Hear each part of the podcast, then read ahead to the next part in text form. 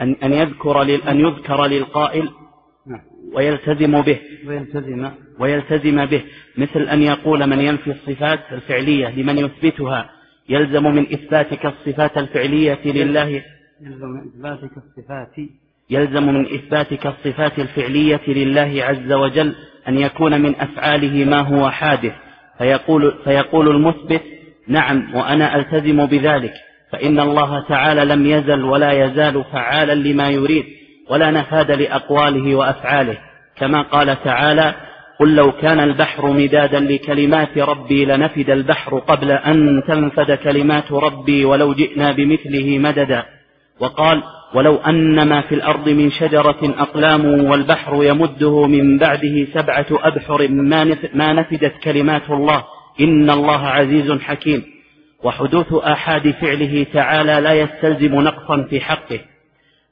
الحمد لله رب العالمين وصلى الله وسلم وبارك على عبده ورسوله نبينا محمد وعلى آله وصحبه أجمعين أما بعد.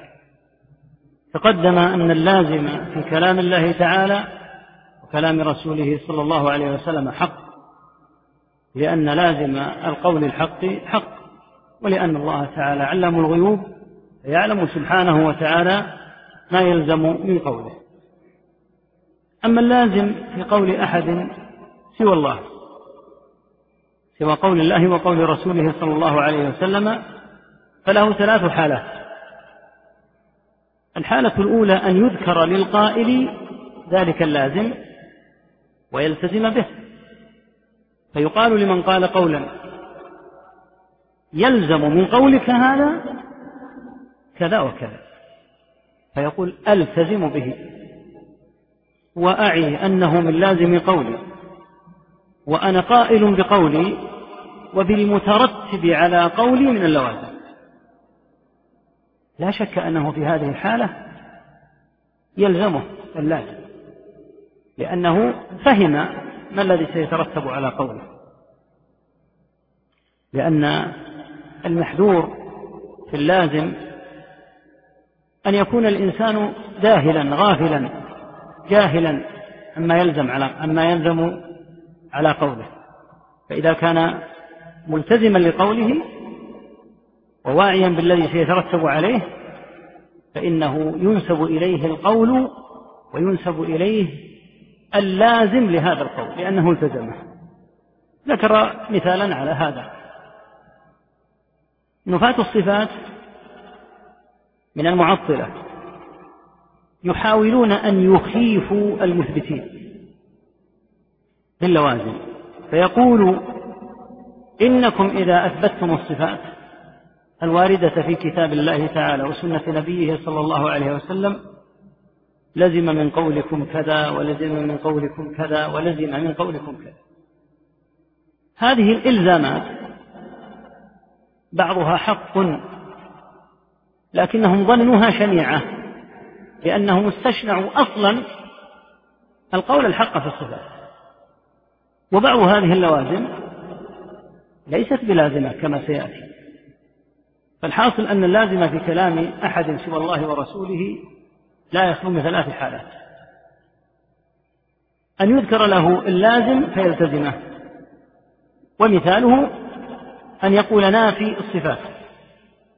لمثبتها.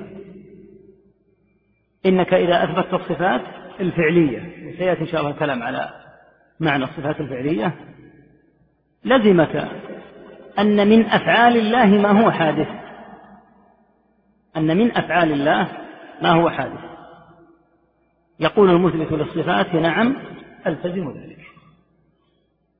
الله تعالى كل يوم هو في شأن. وهذا من كماله سبحانه وتعالى. فلعظم شأن ربوبيته تبارك وتعالى نلتزم هذا. فالحادث آحاد الأفعال. الحادث لا أصل فعل الله. لا نقول إن الله لم يكن يفعل. كان معطلا من الفعل.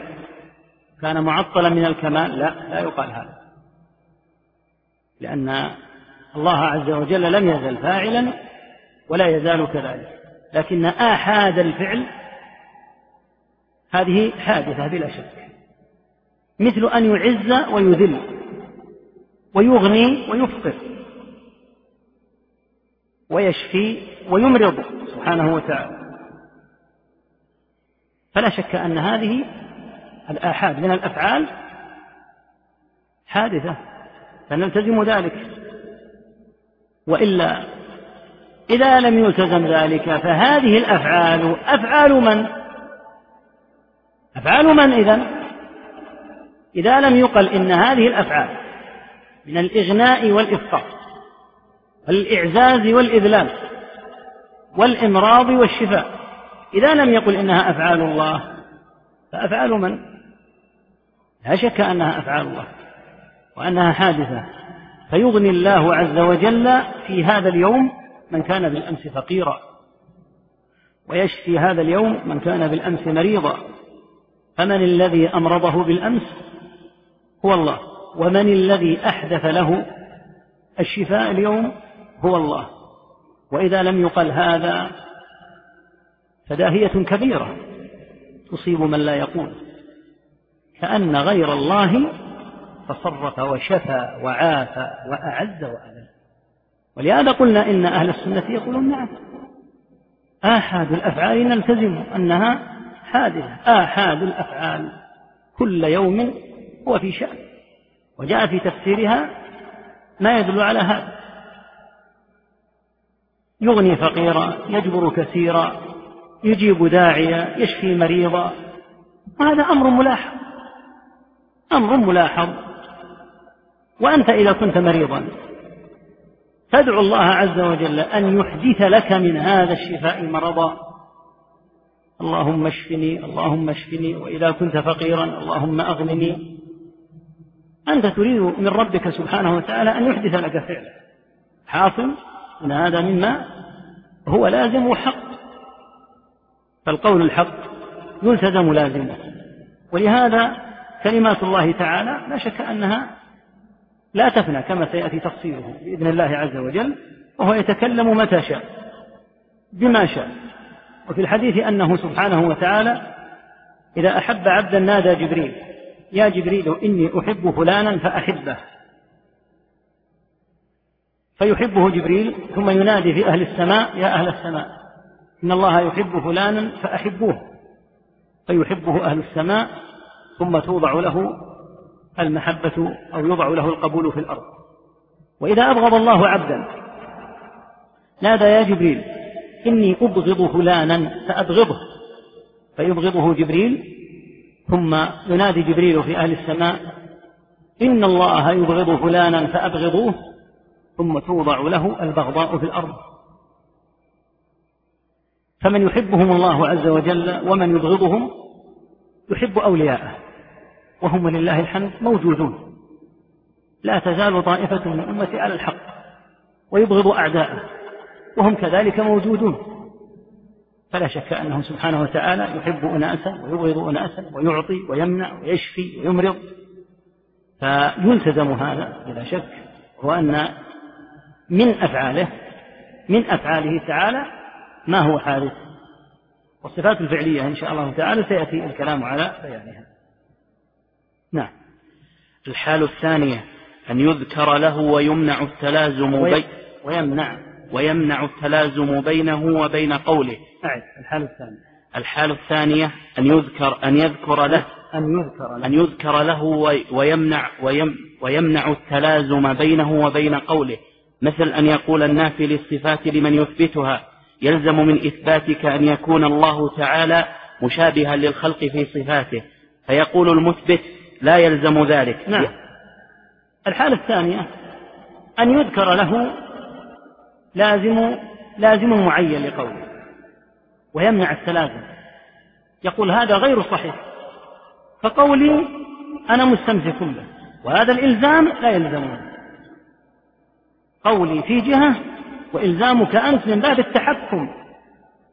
تريد أن تردني عن قولي الحق بذكر لازم باطل لا علاقة له بقولي فقولي سالم من هذا اللازم. في هذه الحالة هل ينسب له؟ لا ينسب له لازم قوله. إذا كان الذي يريد أن يلزمه إنما هو مماحك ومجادل بالباطل. هذه الحالة الثانية أن يذكر له اللازم فيمنع ويأبى التلازم بين هذا اللازم وبين قوله. والمثال يأتي إن شاء الله. وعلى هذا فإنه يستمسك بقوله ويأبى أن يكون من لوازم قوله ما يريد خصمه إلزامه به. فيقول أنا أقول كذا ولا يلزم ولا يلزم منه ما تدعيه والمثال يأتي عليه إن شاء الله. نعم. فيقول المثبت لا يلزم ذلك يعني أعد مثل أن يقول. مثل أن يقول النافي للصفات للصفات لمن يثبتها يلزم من إثباتك أن يكون الله تعالى مشابها للخلق في صفاته. فيقول المثبت لا يلزم ذلك لأن صفات الخالق مضافة لأن الصفات صفات ملحقة بالمؤنث.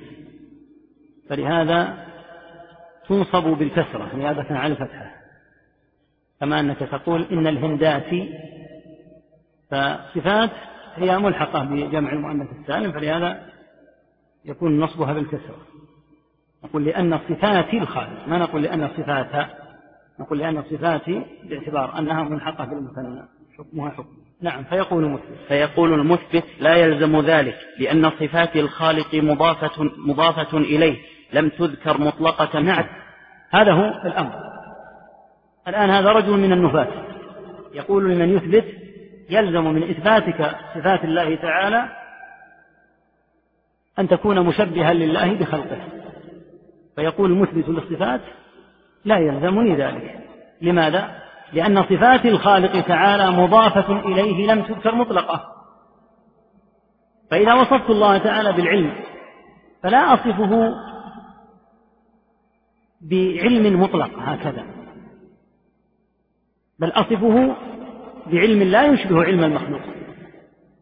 كما قال تعالى في الآيات التي ذكرنا اليوم وعنده مفاتح الغيب لا يعلمها إلا هو ويعلم ما في البر والبحر ما تسقط من ورقة إلا يعلمها ولا حبة في ظلمات الأرض ولا رطب ولا يابس إلا في كتاب مبين. قال تعالى وما يعزب عن ربك من مثقال ذرة في السماوات ولا في الأرض أصغر من ذلك ولا أكثر. فأين هذا العلم؟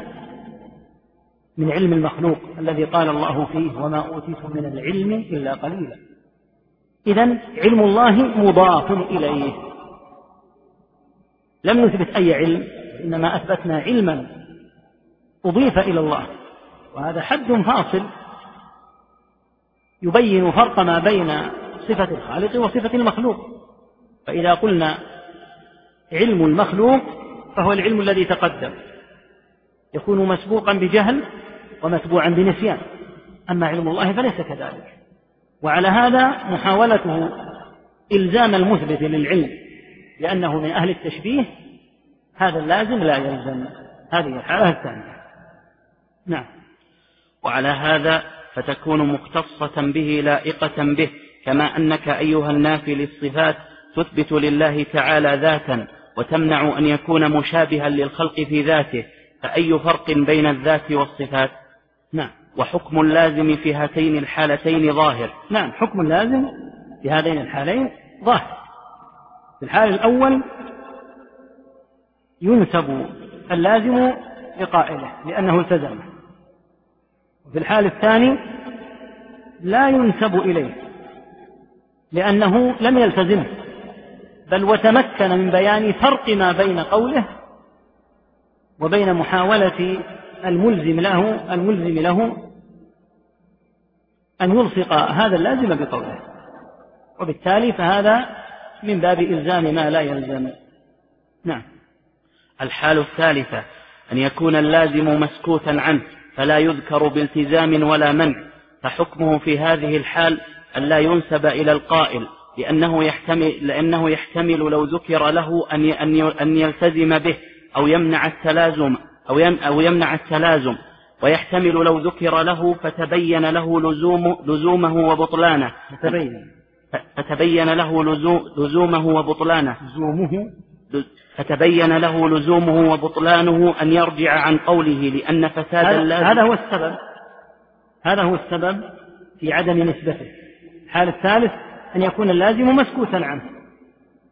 يعني لم يذكر القائل حتى يلتزمه ولم يذكر له حتى يمنع التلازم بينه وبين قوله وإنما هو لازم مسكوت عنه.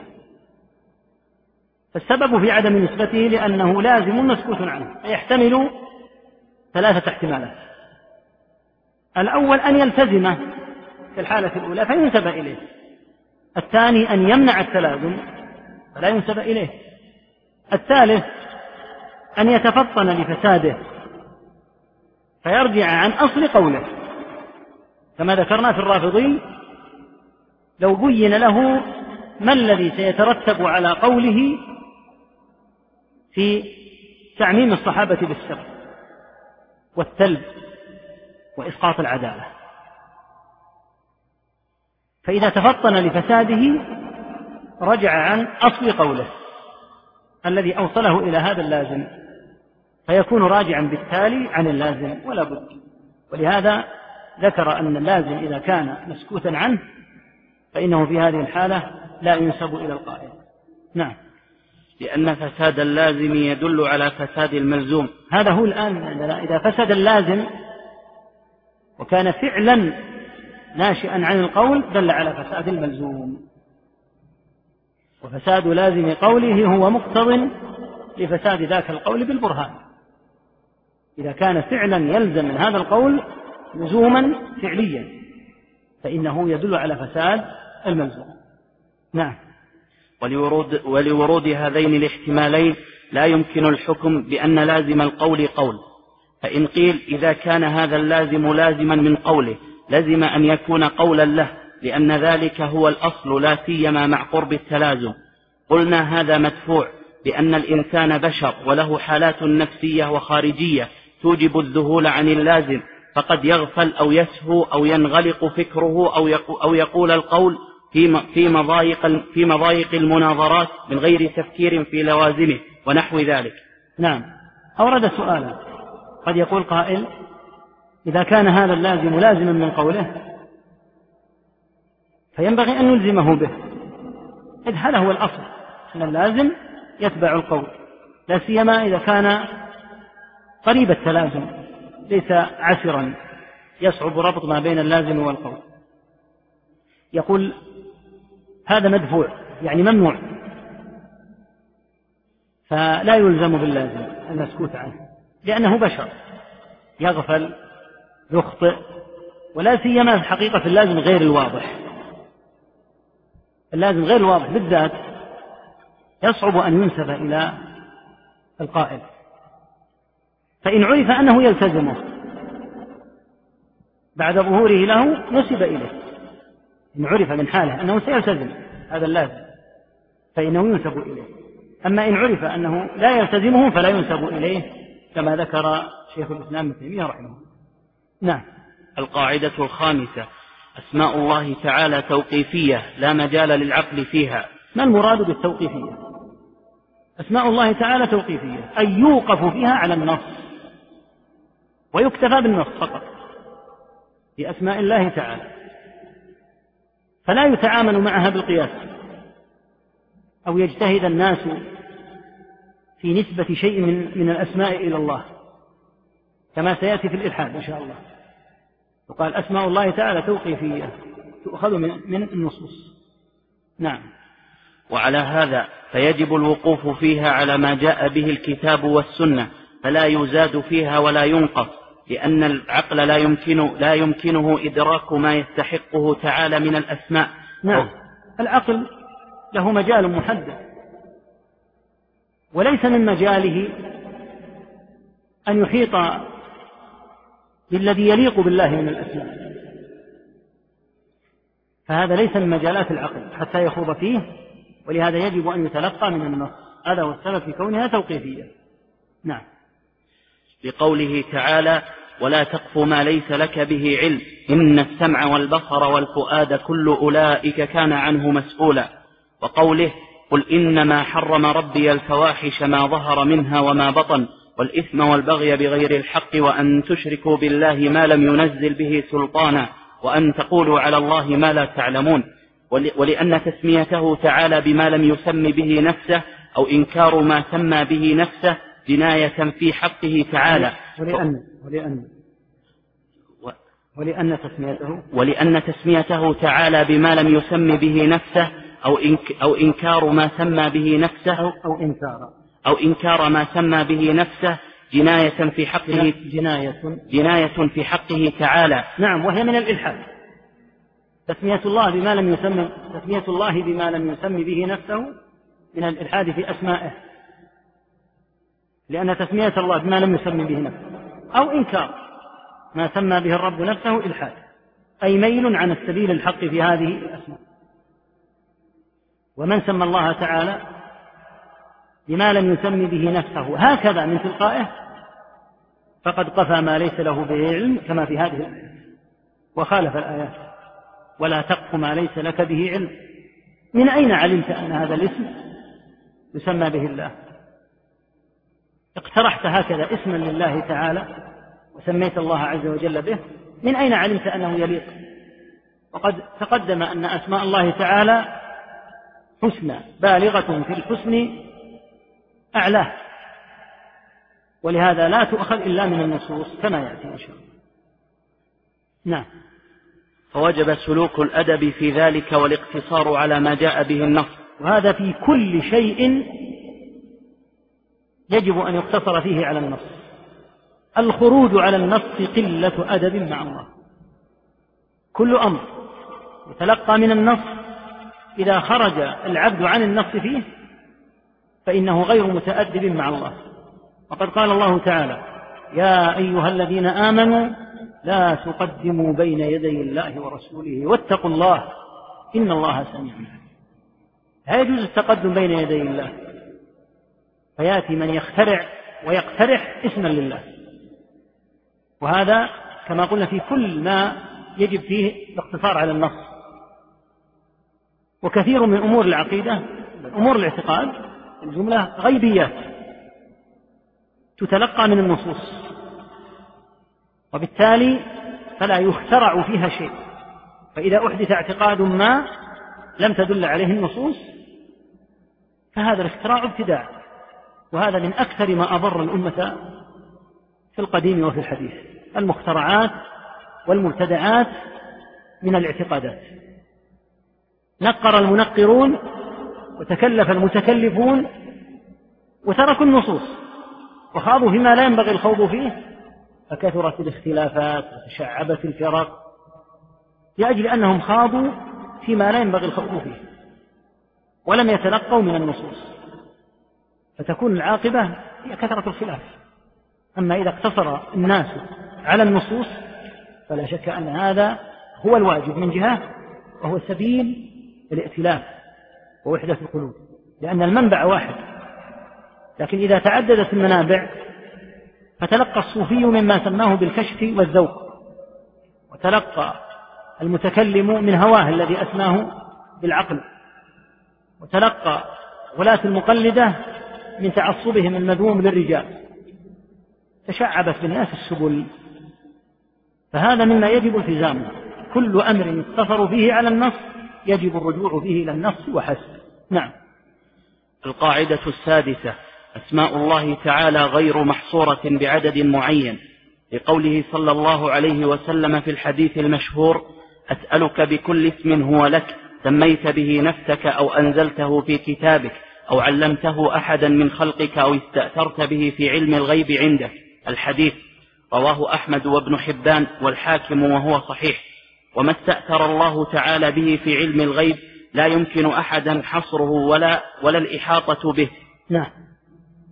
أسماء الله تعالى هل هي عدد محدد؟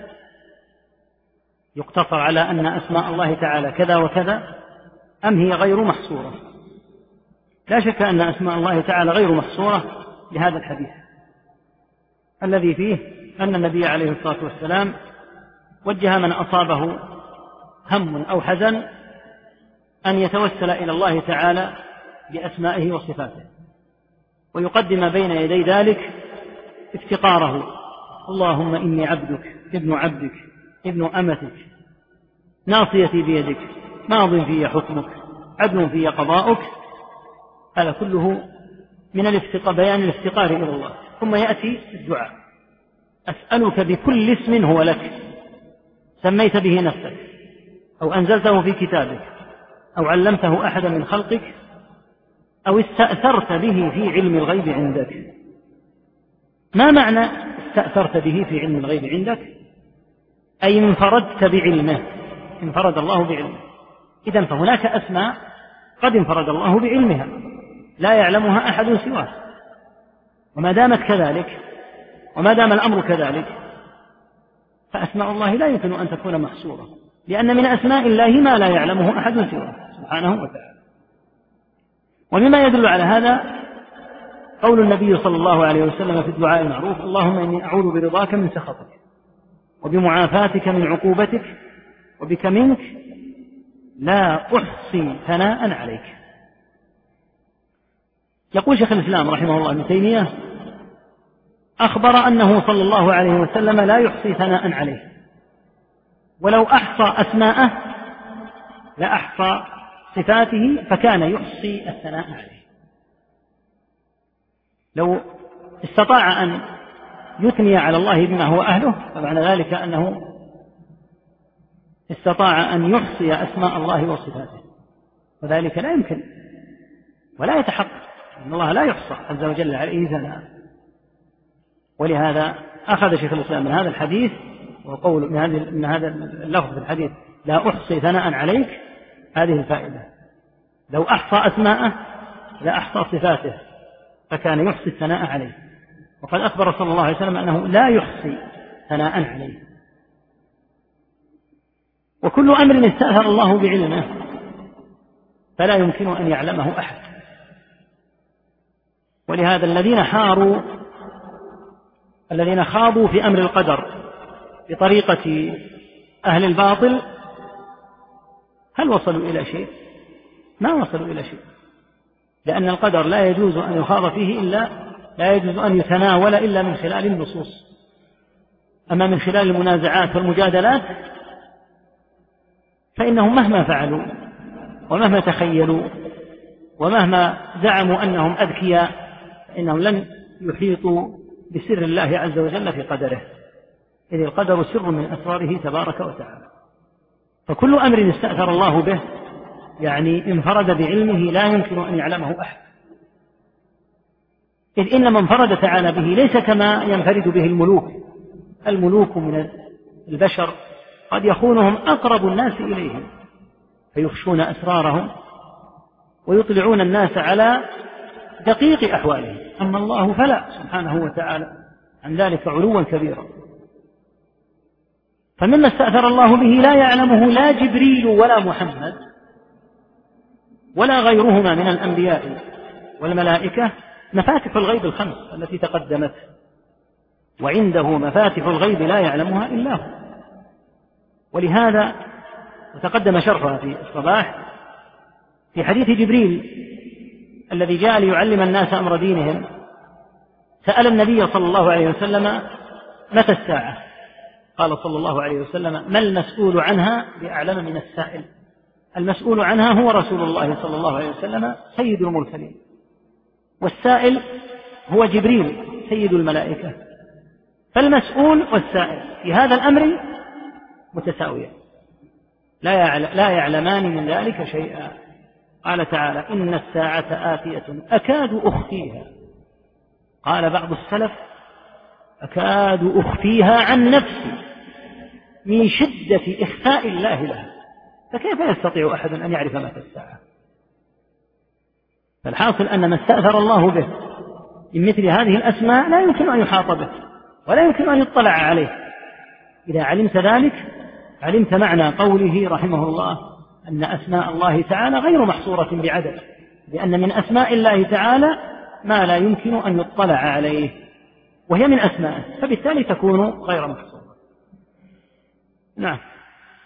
فأما قوله صلى الله عليه وسلم إن لله تسعة وتسعين اسما مئة إلا واحدا من أحصاها دخل الجنة فلا يدل على حصر الأسماء بهذا العدد ولو كان المراد الحصر لكانت العبارة إن أسماء الله تسعة وتسعون اسما. من أحصاها دخل الجنة أو نحو ذلك. نعم.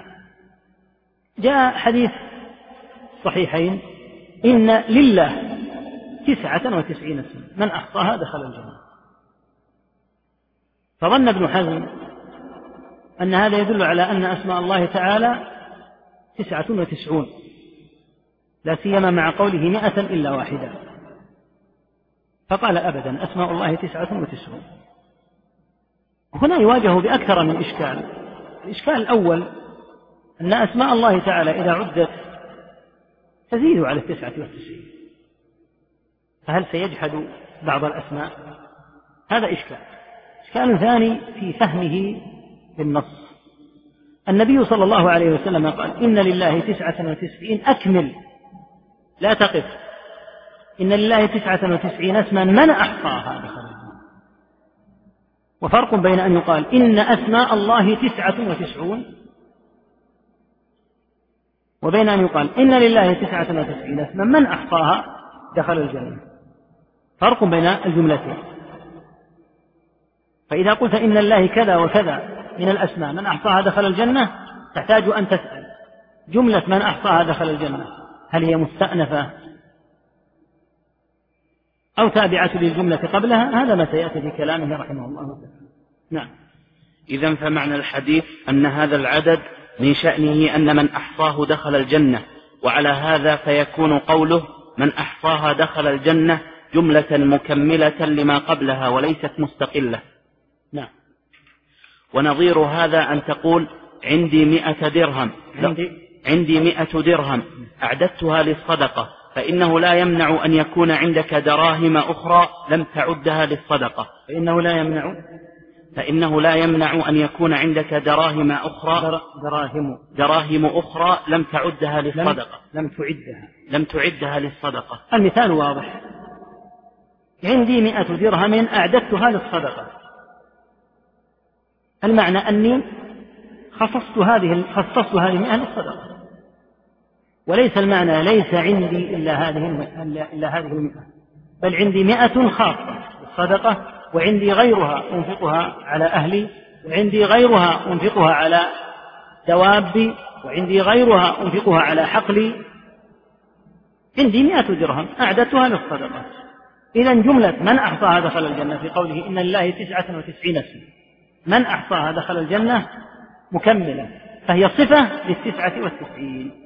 وليست جملة مبتدأة وهذا وجه الإشكال الذي أوقع من حصرها فيه. ظن أن قوله إن لله تسعة وتسعين اسما أنه وقف عند هذا. ثم بدأ بجملة أخرى ابتدأ استأنف من أحصاها دخل الجنة؟ لا. جملة من أحصاها دخل الجنة هذه صفة للجملة قبلها. ولهذا قال الشيخ رحمه الله إنها مكملة. فقوله من أحصاها دخل الجنة صفة للتسعة والتسعين وليست جملة مبتدأة. فيكون المعنى إن لله تسعة وتسعين اسما. من شأن هذه التسعة والتسعين أن من أحصاها دخل الجنة. ولا ينفي ذلك وجود أسماء أخرى.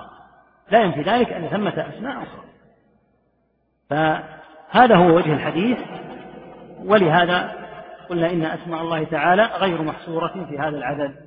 لكن من أحصى هذه التسعة والتسعين دخل الجنة. وما معنى الإحصاء؟ اختلف فيها في المراد فبعضهم قال إن الإحصاء هو مجرد الحفظ.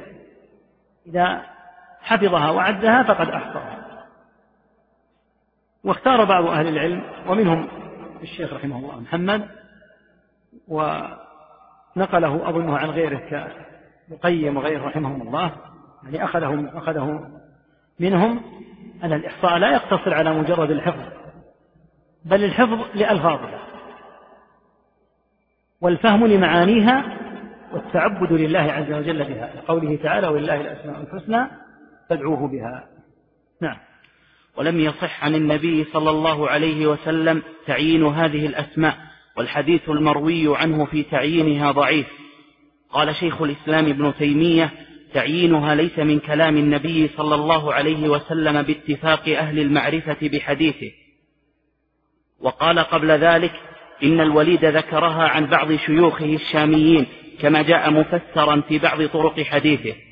وقال ابن حجر ليست العلة عن الشيخين البخاري ومسلم تفرد الوليد فقط بل, بل الاختلاف فيه والاضطراب وتدليسه واحتمال الإدراج نعم.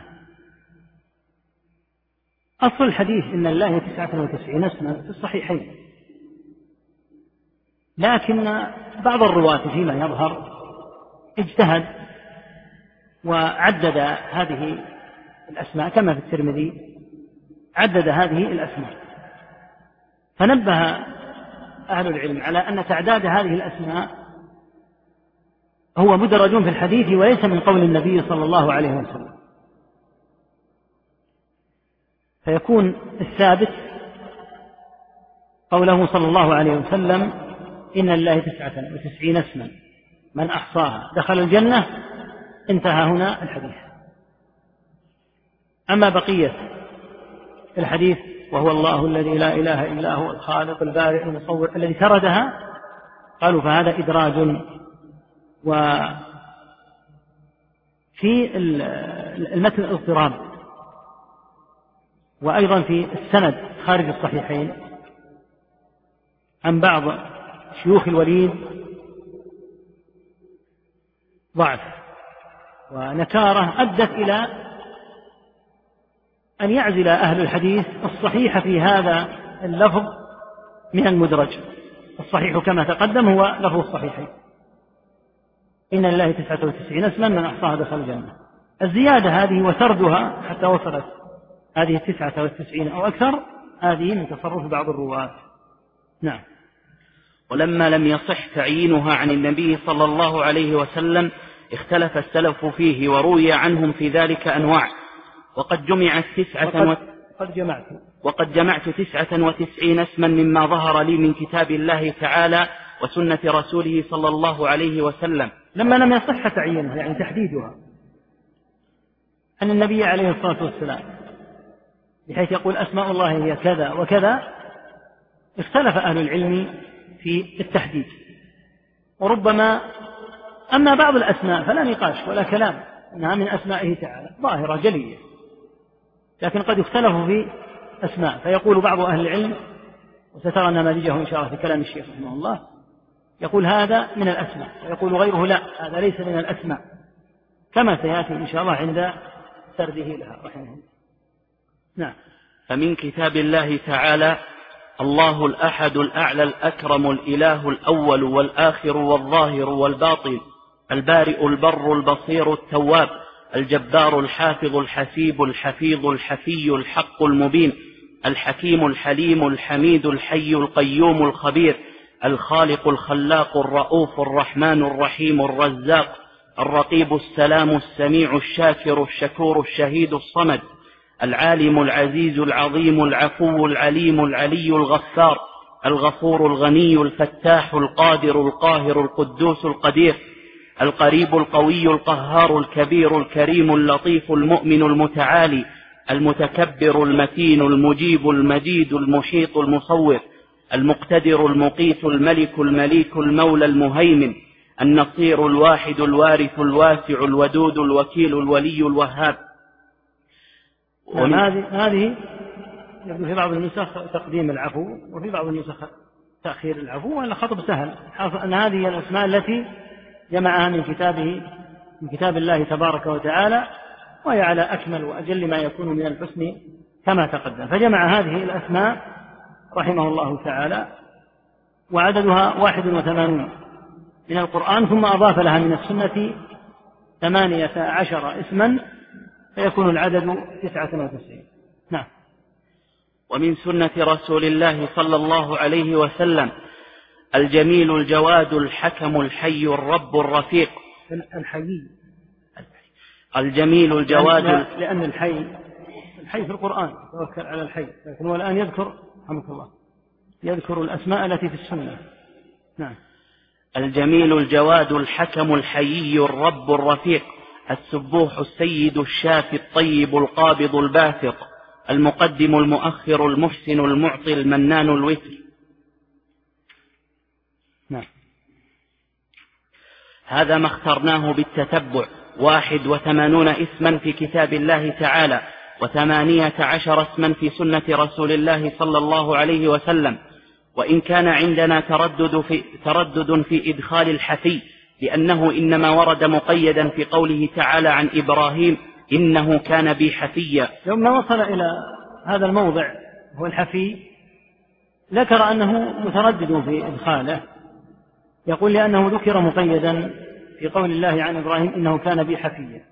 وقد ذكره ضمن الأسماء غير واحد كابن حجر وغيره ذكروه ضمن الأسماء. نعم. وكذلك المحسن.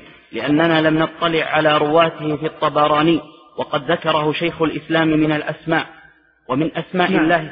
آه هذا يبدو في نسخة قديمة لكن في النسخة السابقة الأخيرة هذا هذه اللي طبعت عام 31 حذف الشيخ يبدو هذا لأن في النسخة هذه إحالة إلى الطبراني. وقال الهيثمي أن الرجال أنهم ثقات. فيكون الشيخ رحمه الله اطلع على هذا وجزم به والحديث الوارد فيه صححه يعني بعض أهل العلم المحسن وصنف فيه. يعني بعض أهل العلم ما يدل على أنه من أسماء الله تعالى. نعم.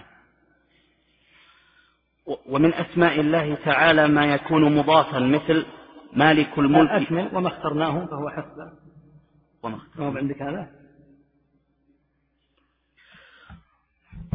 وما اخترناه فهو حسب علمنا وفهمنا وفوق كل ذي علم عليم حتى يصل ذلك إلى عالم الغيب والشهادة ومن هو بكل شيء عليم. نعم. القاعدة السابعة. الكلام اللي قبله ما هو؟ في قبل الكلام. وإن كان عندنا تردد في إدخال الحفي لأنه إنما ورد مقيدا في قوله تعالى عن إبراهيم إنه كان بي حفيا. وما اخترناه فهو حسب علمنا وفهمنا وفوق كل ذي علم عليم حتى يصل ذلك إلى عالم الغيب والشهادة ومن هو بكل شيء عليم. يعني قال هذا حتى يقول إذا كنت لم أصب بشيء من هذه الأسماء فذلك راجع إلى علمي. أما العلم الذي لا يتطرق إليه الجهل أو الخطأ والضلال والنسيان فهو علم الله تعالى. ذكر الشيخ رحمه الله تعالى في الحاشية أنه لم يذكر الأسماء المضافة مثل رب العالمين وعالم الغيب والشهادة قال لأنه لم يتبين لنا أنها مرادة والعلم عند الله تعالى. وهذه الأسماء المضافة قد عدها ابن تيمية وغيره من أهل العلم ضمن الأسماء ولا سيما مثل رب العالمين فإن هذا لا يمكن أن يطلق إلا على الله وحده. ومما عده شيخ الإسلام أيضا في الأسماء مقلب القلوب وجامع الناس ليوم لا ريب فيه وغيرها. يرى شيخ الإسلام أنها من أسماء الله تعالى وعلى هذا تكون أسماء الله تعالى كثيرة. وهذا كما قلت مما يجعل ثمة تفاوتا بين أهل العلم في إدخالها. فمنهم من يقول إن الأسماء المضافة مثلا هذه لا يتبين لنا أن تدخل في الأسماء وإنما تدخل الأسماء مثل ما أورد الشيخ. الحي العليم الرحمن ونحو ذلك. فلهذا تتفاوت أنظار أهل العلم في الاسم هل يدخل أو لا يدخل نعم. القاعدة السابعة الإلحاد في أسماء الله تعالى هو الميل بها عما يجب فيها. هذه القاعدة السابعة في الكلام على ضد الواجب من الإيمان وهو الإلحاد. والإلحاد فسره رحمه الله تعالى بالميل لأن الواجب مع هذه الأسماء لزوم الصراط المستقيم الذي بينته النصوص في التعامل مع هذه الأسماء. إذا أثبتت النصوص أثبتنا. فمن عدل عن هذا الصراط فقد ألحد يعني مال. وقد قال الله تعالى ولله الأسماء الحسنى فادعوه بها وذروا الذين يلحدون في أسمائه. ما كم أنواع الإلحاد؟ كثيرة. وسيذكر رحمه الله تعالى منها أنواعا لكن يجمعها جامع واحد وهو الخروج عن الصراط المستقيم في التعامل مع هذه الأسماء. هذه الأسماء أثبتها الله كما سيأتي تمدح بها تعرف بها إلى عباده فمن أتى لينفيها مثلا أو ليصف الله تعالى منها يجعل المعاني التي فيها هي معاني أسماء المخلوقين أو نحو ذلك فهذا من الإلحاد كما يأتي تفصيله إن شاء الله. نعم. وهو أنواع. الأول أن ينكر شيئا منها أو, مم أو مما دلت عليه من الصفات والأحكام كما فعل أهل التعطيل من الجهمية وغيرهم وإنما كان ذلك إلحادا لوجوب الإيمان بها وبما دلت عليه من الأحكام والصفات اللائقة بالله فإنكار شيء من, من ذلك ميل بها عما يجب فيها. نعم. لا شك أن إنكار ما أثبت الله. إلحاد بين. أرأيت يا أخي لو قيل لك ما حكم إقام الصلاة؟ تقول واجبة. ما حكم شرب الخمر؟ تقول محرمة. أرأيت لو عكس إنسان وقال إن أداء الصلاة ليس بواجب؟ وإن الخمر ليس بمحرم. ماذا يكون قد فعل؟ قد ضاد الله وحاد الله تعالى فيما أخبر به من هذه الأحكام. فكذلك ما يتعلق بالأسماء. قد أثبتها الله تعالى. فيأتي هذا لينفي ما أثبت الله. لا شك أنه داخل في الإلحاد. إذا تأملت هذه الأسماء والصفات في النصوص وجدت الآتي. أولا أن الله تمدح بها وأثنى بها على نفسه ثانيا أن الله يعرف نفسه لعباده بها. فيقول سبحانه إن ربكم الله الذي الذي اسم موصول. وما بعده صلة الموصول. يعرف بنفسه. إن ربكم الله الذي نعم. الآذان تصغي لأن الله يعرف بنفسه. إن ربكم الله الذي خلق السماوات والأرض في ستة أيام ثم استوى على العرش. يغشي الليل النهار يطلبه حثيثا الشمس والقمر والنجوم مسخرات بأمره. تعريف كل هذا يعرفك رب العالمين بأوصافه أو إذا عرفك بأفعاله أو بأسمائه. فإذا جاء إنسان لينفي عن الله عز وجل هذا الذي تعرف إلى عباده به فقد ألحد إلحادا بينا. ثالثا يرتب الله عز وجل على هذه الأسماء على هذه الأسماء أعمالا. يعملها عباده مثل دعائه بها. ولله الأسماء الحسنى. انظر الترتيب الآن. فادعوه بها. وهكذا كما تقدم في اليوم ذكر الآية فيما يتعلق بالصفات مثلا يرتب الله الحذر على العلم بصفاته. واعلموا أن الله يعلم ما في أنفسكم. فانظر الترتيب الآن. فاحذروه. فالحذر الآن عمل من عمل بني آدم مرتب على العلم بالصفات. فإذا نفي عن الله ما أثبت منها سواء من الأسماء أو من الصفات مع هذا كله وغيره فقد ألحد النافي إلحادا بينا لا شك فيه. ألحد إلحادا. يعني مال ميلا واضحا عن الطريق السوي فيه. نعم. الثاني أن يجعلها دالة على صفات أن يجعلها. أن يجعل لها أن يجعلها. أن يجعلها دالة نعم. على صفات تشابه صفات المخلوقين. تشابه. تشابه صفات المخلوقين كما فعل أهل التشبيه.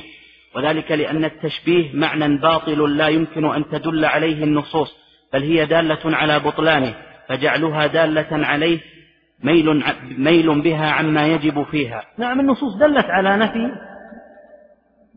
التشبيه. فمن أثبت المشابهة فقد ألحد لأن إثبات ما نفى الله إلحاد كما أن نفي ما أثبت إلحاد. فمن أثبت ما نفى الله كالمماثلة. وقال بل أسماء الله تماثل أسماء المخلوقين وصفات الله تماثل صفات المخلوقين هذا ألحد لأن الله تعالى يقول ليس كمثله شيء وهو السميع البصير.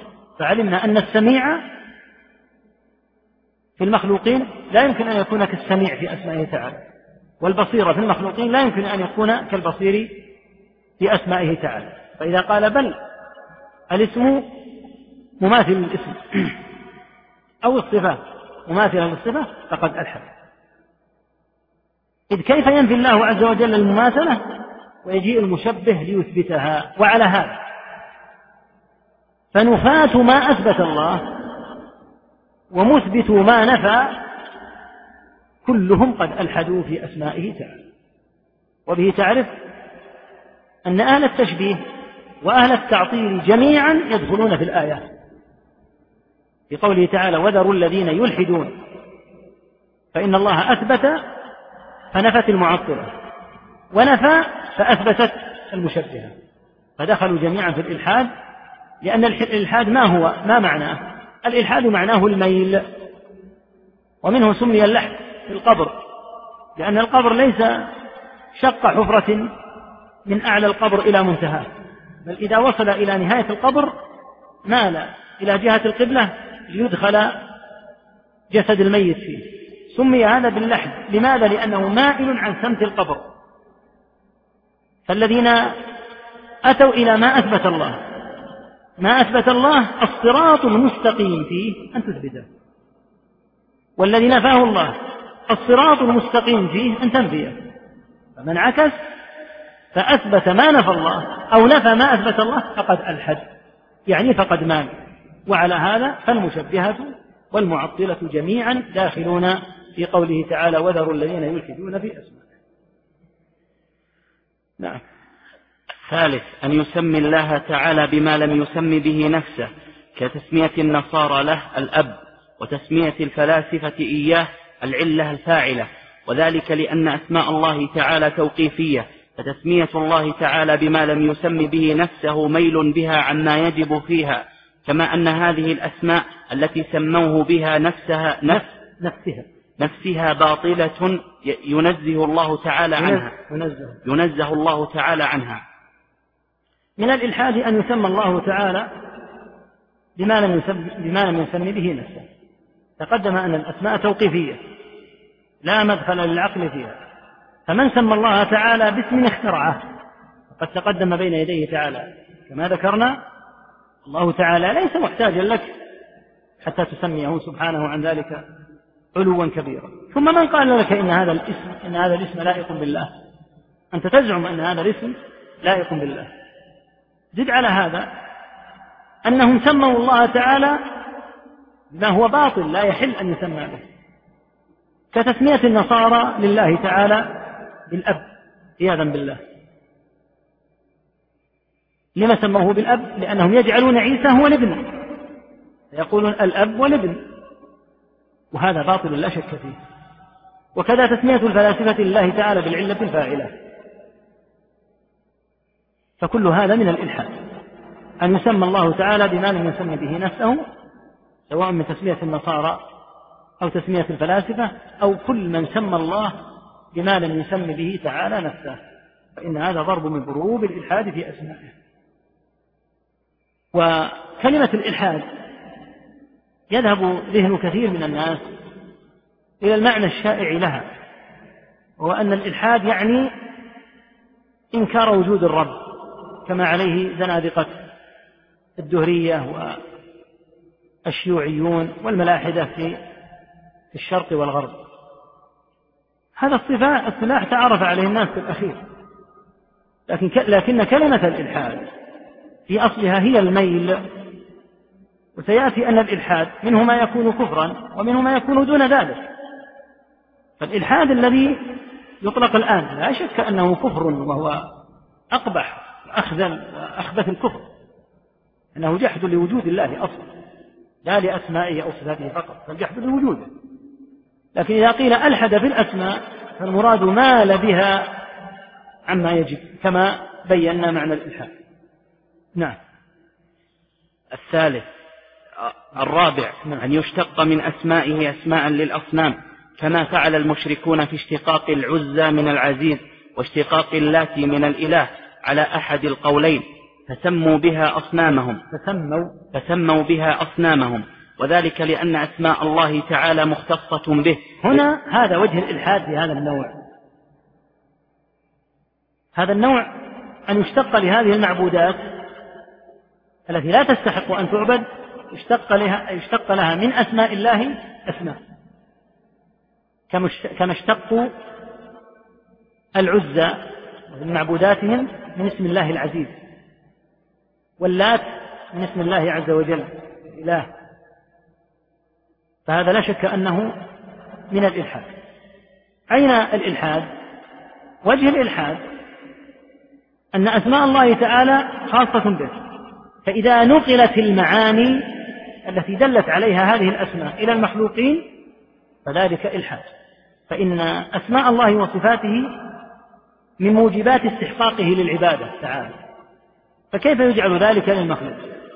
فإذا اشتق من اسم الله نفسه اسم لهذا المعبود فكأنه اشتق الاسم بمعناه وأضفاه على هذا المعبود حتى يبرر عبادته.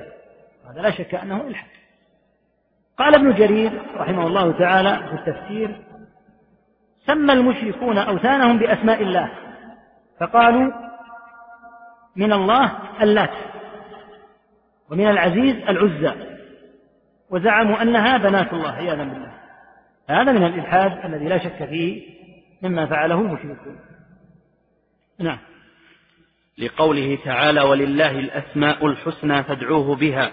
وقوله الله لا إله إلا هو له الأسماء الحسنى وقوله له الأسماء الحسنى يسبح له ما في السماوات والأرض فكما اختص بالعبادة وبالألوهية الحق وبأنه يسبح له ما في السماوات والأرض فهو مختص بالأسماء الحسنى. نعم كما أن الله مختص بالعبادة لا يجوز أن يعبد سواه فهو مختص بالأسماء الحسنى.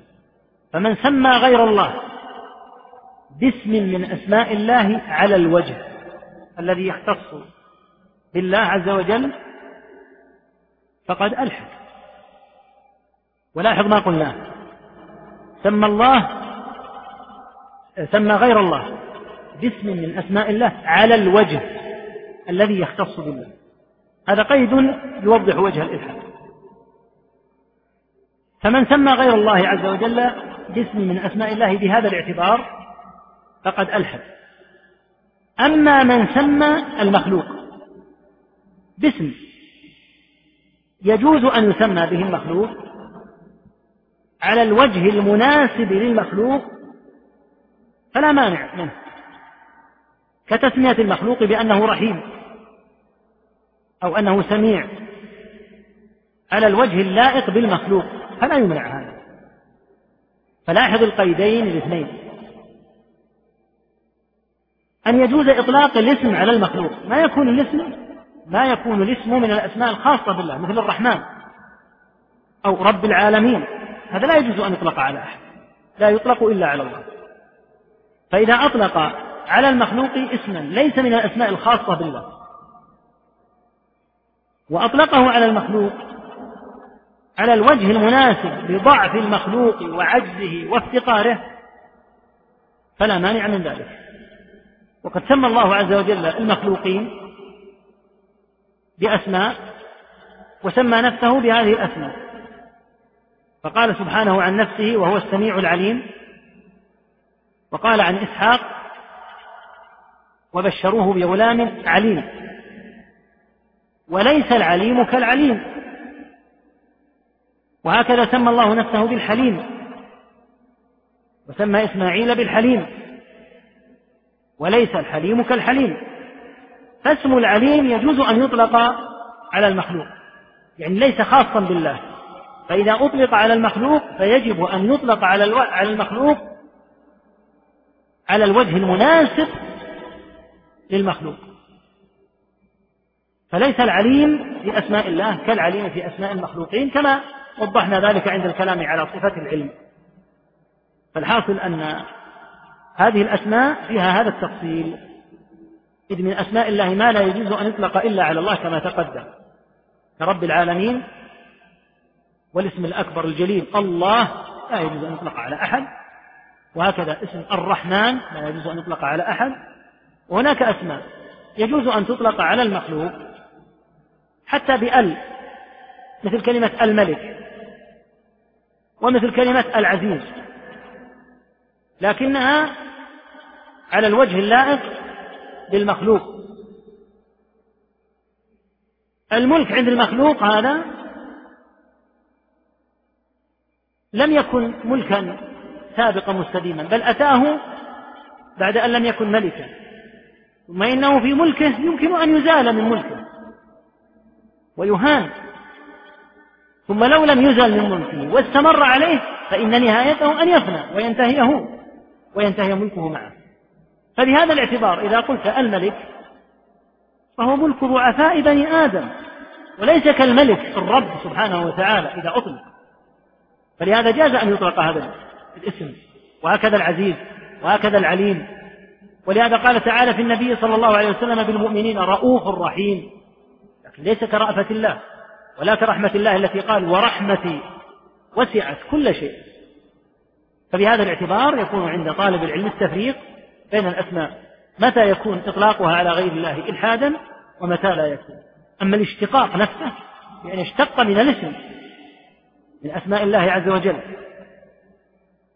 ويجعله للمعبود فالمقصود به واضح. مقصودهم به أن يجعلوا لهذا المعبود شيئا من صفات العبادة حتى يستحق العبادة في زعمهم. نعم.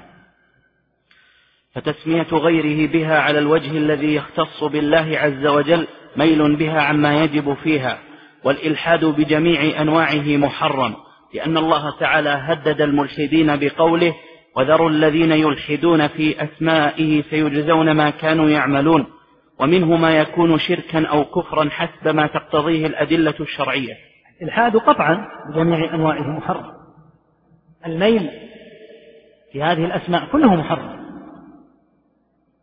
وقد هدد الله الملحدين بتهديد عظيم.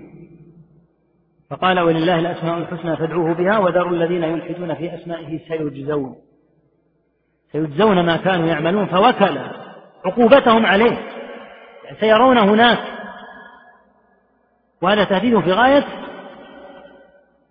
ما يجلب للمؤمن الخوف من أن يكون من هؤلاء الذين يلحدون في أسماء الله. وأمر الله أهل الإيمان بأن يتركوا طريقهم الخبيث ولا يسلكوه وذروا الذين يلحدون في أسمائه ثم من الإلحاد ما يكون شركا أو كفرا. كتسمية المشركين لأسمائهم كما تقدم سموا العزى حتى يعبدوها اشتقوا لها من اسم العزيز حتى يجعلوا لها معنى من مثل اسم العزيز في الله عز وجل حتى يعبدوها عياذا بالله. ومنه ما يكون دون ذلك حسب ما تقتضيه الأدلة الشرعية. وبذلك تكون قواعد أسماء الله تعالى قد المذكورة في هذا الكتاب قد انتهى عرضها ويبدأ القسم الثاني من الكتاب وهو قواعد في صفات الله. وكثير مما قلناه في الأسماء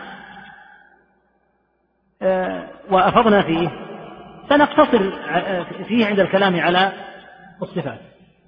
سيأتينا إن شاء الله تعالى في القواعد أن صفات الله توقيفية. ما ذكرناه في الأسماء من كونها توقيفية ومعنى التوقيفي كافي. لأننا نقول الأسماء توقيفية وكذلك الصفات توقيفية. ومعنى التوقيف هنا هو معنى التوقيف. وسبب كونها توقيف سبب كون الأسماء توقيفية موجود في سبب كون الصفات توقيفية أو موجود جملة منه. فلهذا سيكون الكلام في المواضع المتشابهة سيكون إن شاء الله تعالى موجزا. نعم. قواعد في صفات الله تعالى. القاعدة الأولى صفات الله تعالى كلها صفات كمال. لا نقص فيها بوجه من الوجوه كالحياة والعلم والقدرة والسمع والبصر والرحمة والعزة والحكمة والعلو والعظمة وغير ذلك. وقد دل, وقد دل على هذا السمع والعقل والفطرة. أما السمع فمنه قوله تعالى للذين لا يؤمنون بالآخرة مثل السوء ولله المثل الأعلى وهو العزيز الحكيم والمثل الأعلى هو الوصف الأعلى. نعم كما قدمنا في الأسماء. تقدم أن أسماء الله تعالى حسنى. وهنا ذكر أن صفات الله تعالى كلها صفات كمال. وكما قال في أسماء الله لا نقص فيها بوجه من الوجوه كذلك يقال في صفات الله لا نقص فيها بوجه من الوجوه لا احتمالا ولا تقديرا. كل هذا يقال في الأسماء وفي الصفات. ثم ذكر الآية وهي قوله تعالى ولله المثل الأعلى وبين أن المراد بالمثل هنا الوصف أي ولله الوصف الأعلى وقد تقدم في الأسماء قوله تعالى ولله الأسماء الحسنى الوصف الأعلى المثل الأعلى هنا الأعلى هنا اسم تفضيل. قوله تعالى الحسنى هناك أيضا اسم تفضيل. فلهذا قلنا إن الكلام في هذه القواعد قد يكون موجزا باعتبار أن جزءا كبيرا منه مضى في الأسماء. ثم ذكر الأدلة على هذا على كونها صفات كمال من خلال أدلة السمع الذي قلنا المراد بالسمع القرآن والسنة.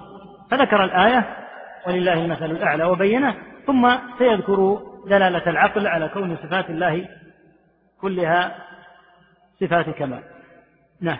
وأما العقل فوجهه أن كل موجود حقيقة. فلا بد أن تكون له صفة إما صفة كمال وإما صفة نقص. إما إما صفة كمال وإما صفة نقص. والثاني باطل بالنسبة إلى الرب الكامل المستحق للعبادة. الثاني. والثاني باطل بالنسبة إلى الرب الكامل المستحق المستحق للعبادة. نعم. كل موجود. فلا بد أن يكون له صفة كمال أو صفة نقص. فيتعين أن يكون متصفا. الرب عز وجل يتعين أن يكون متصفا بالكمال. ويأتي إن شاء الله أنه هو الذي يهب لغيره الكمال.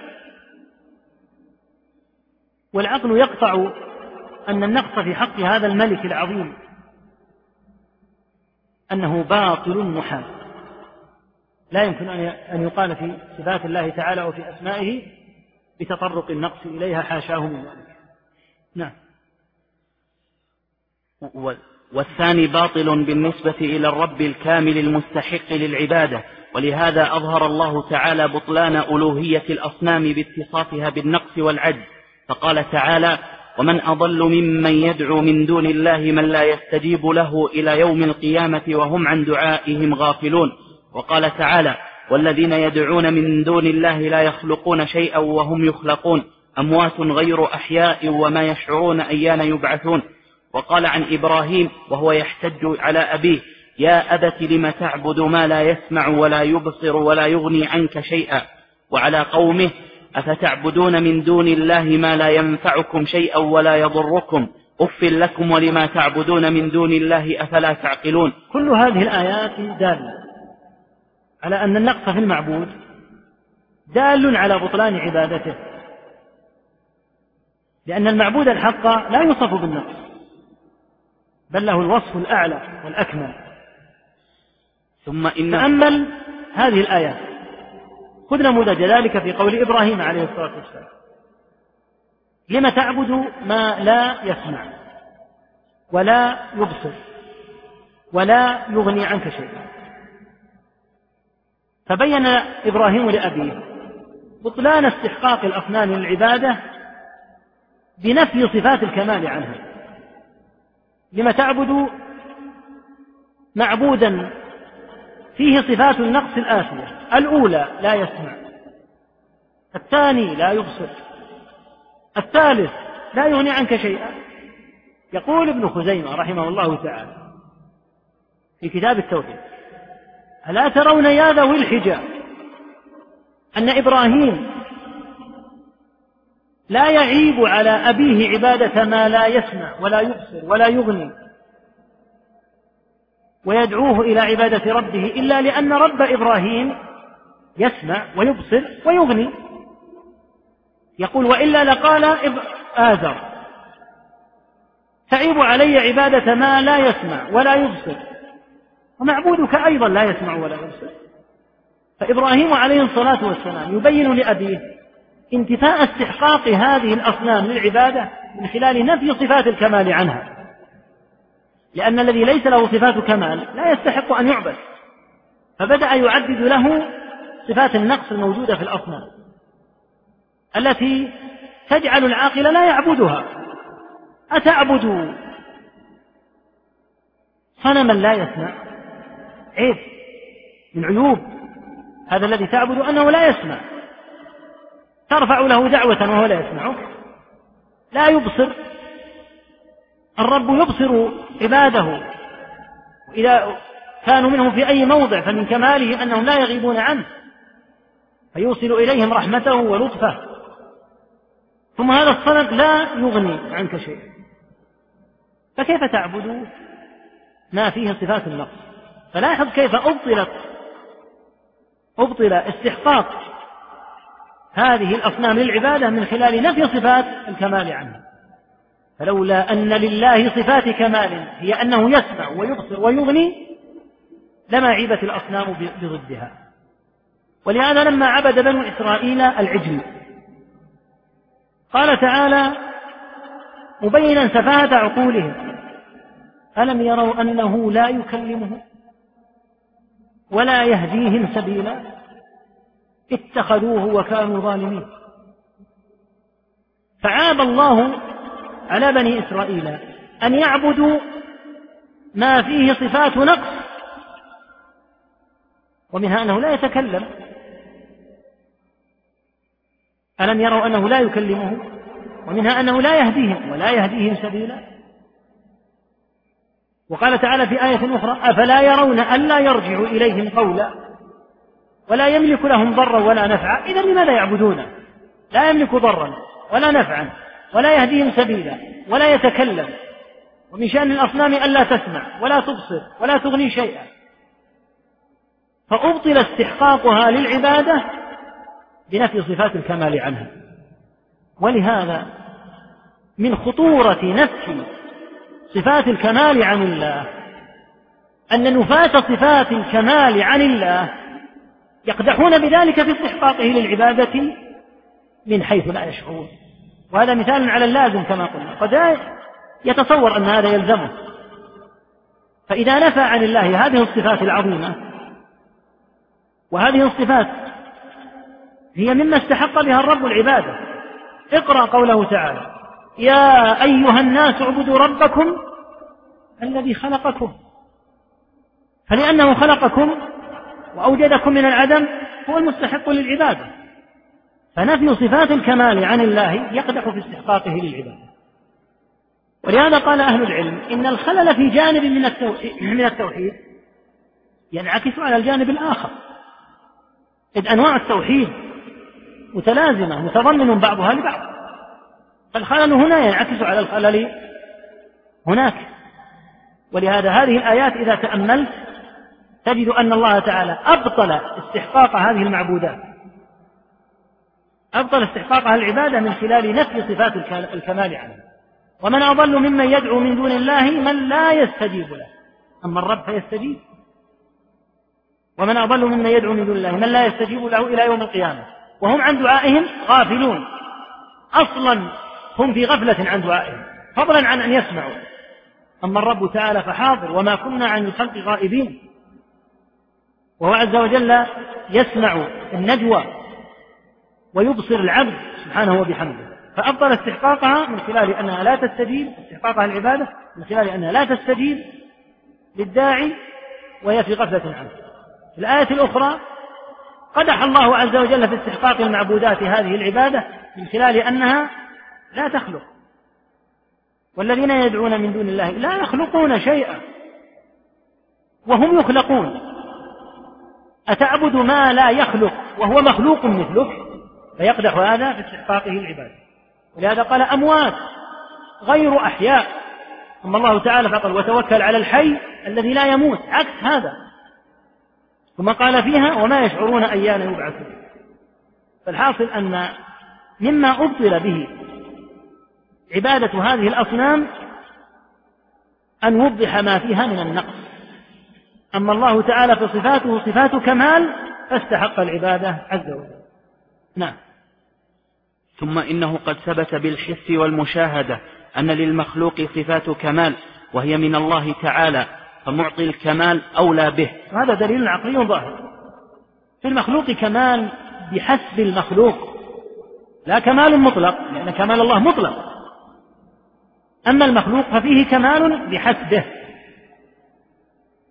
فالذي أعطاه الكمال وهو الرب سبحانه أعطى هذا المخلوق هو رب العالمين هو أولى به.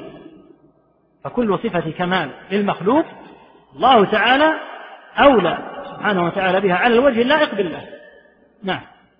وأما الفطرة لأن النفوس السليمة مجبولة مفطورة على محبة الله وتعظيمه وعبادته. وهل تحب وتعظم وتعبد إلا من علمت أنه متصف بصفات الكمال اللائقة؟ اللائقة اللائقة بربوبيته وألوهيته. حب هذه النفوس لباريها سبحانه وتعالى وتعظيمها. واستقرار ذلك في الفطر. الفطر مستقر فيها تعظيم الله عز وجل.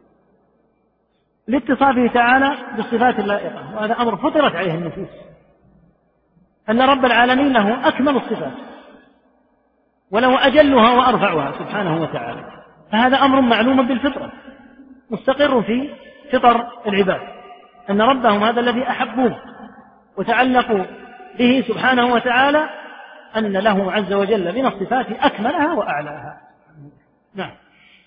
وإذا كانت الصفة نقصا لا كمال فيها فهي ممتنعة في حق الله تعالى كالموت والجهل والنسيان والعجز والعمى والصمم ونحوها لقوله تعالى وتوكل على الحي الذي لا يموت وقوله عن موسى في كتاب لا يضل ربي ولا ينسى وقوله وما كان الله ليعجزه من شيء في السماوات ولا في الأرض وقوله أم يحسبون أنا لا نسمع سرهم ونجواهم بلى ورسلنا لديهم يكتبون وقال النبي صلى الله عليه وسلم في الدجال إنه أعور وإن ربكم ليس بأعور وقال أيها الناس أربعوا على أنفسكم فإنكم لا تدعون أصم ولا غائبا نعم.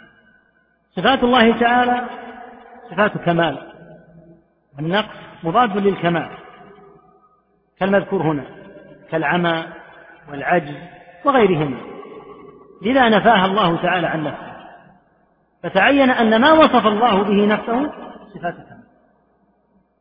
إذ لو كان نقصا لتنزه عنه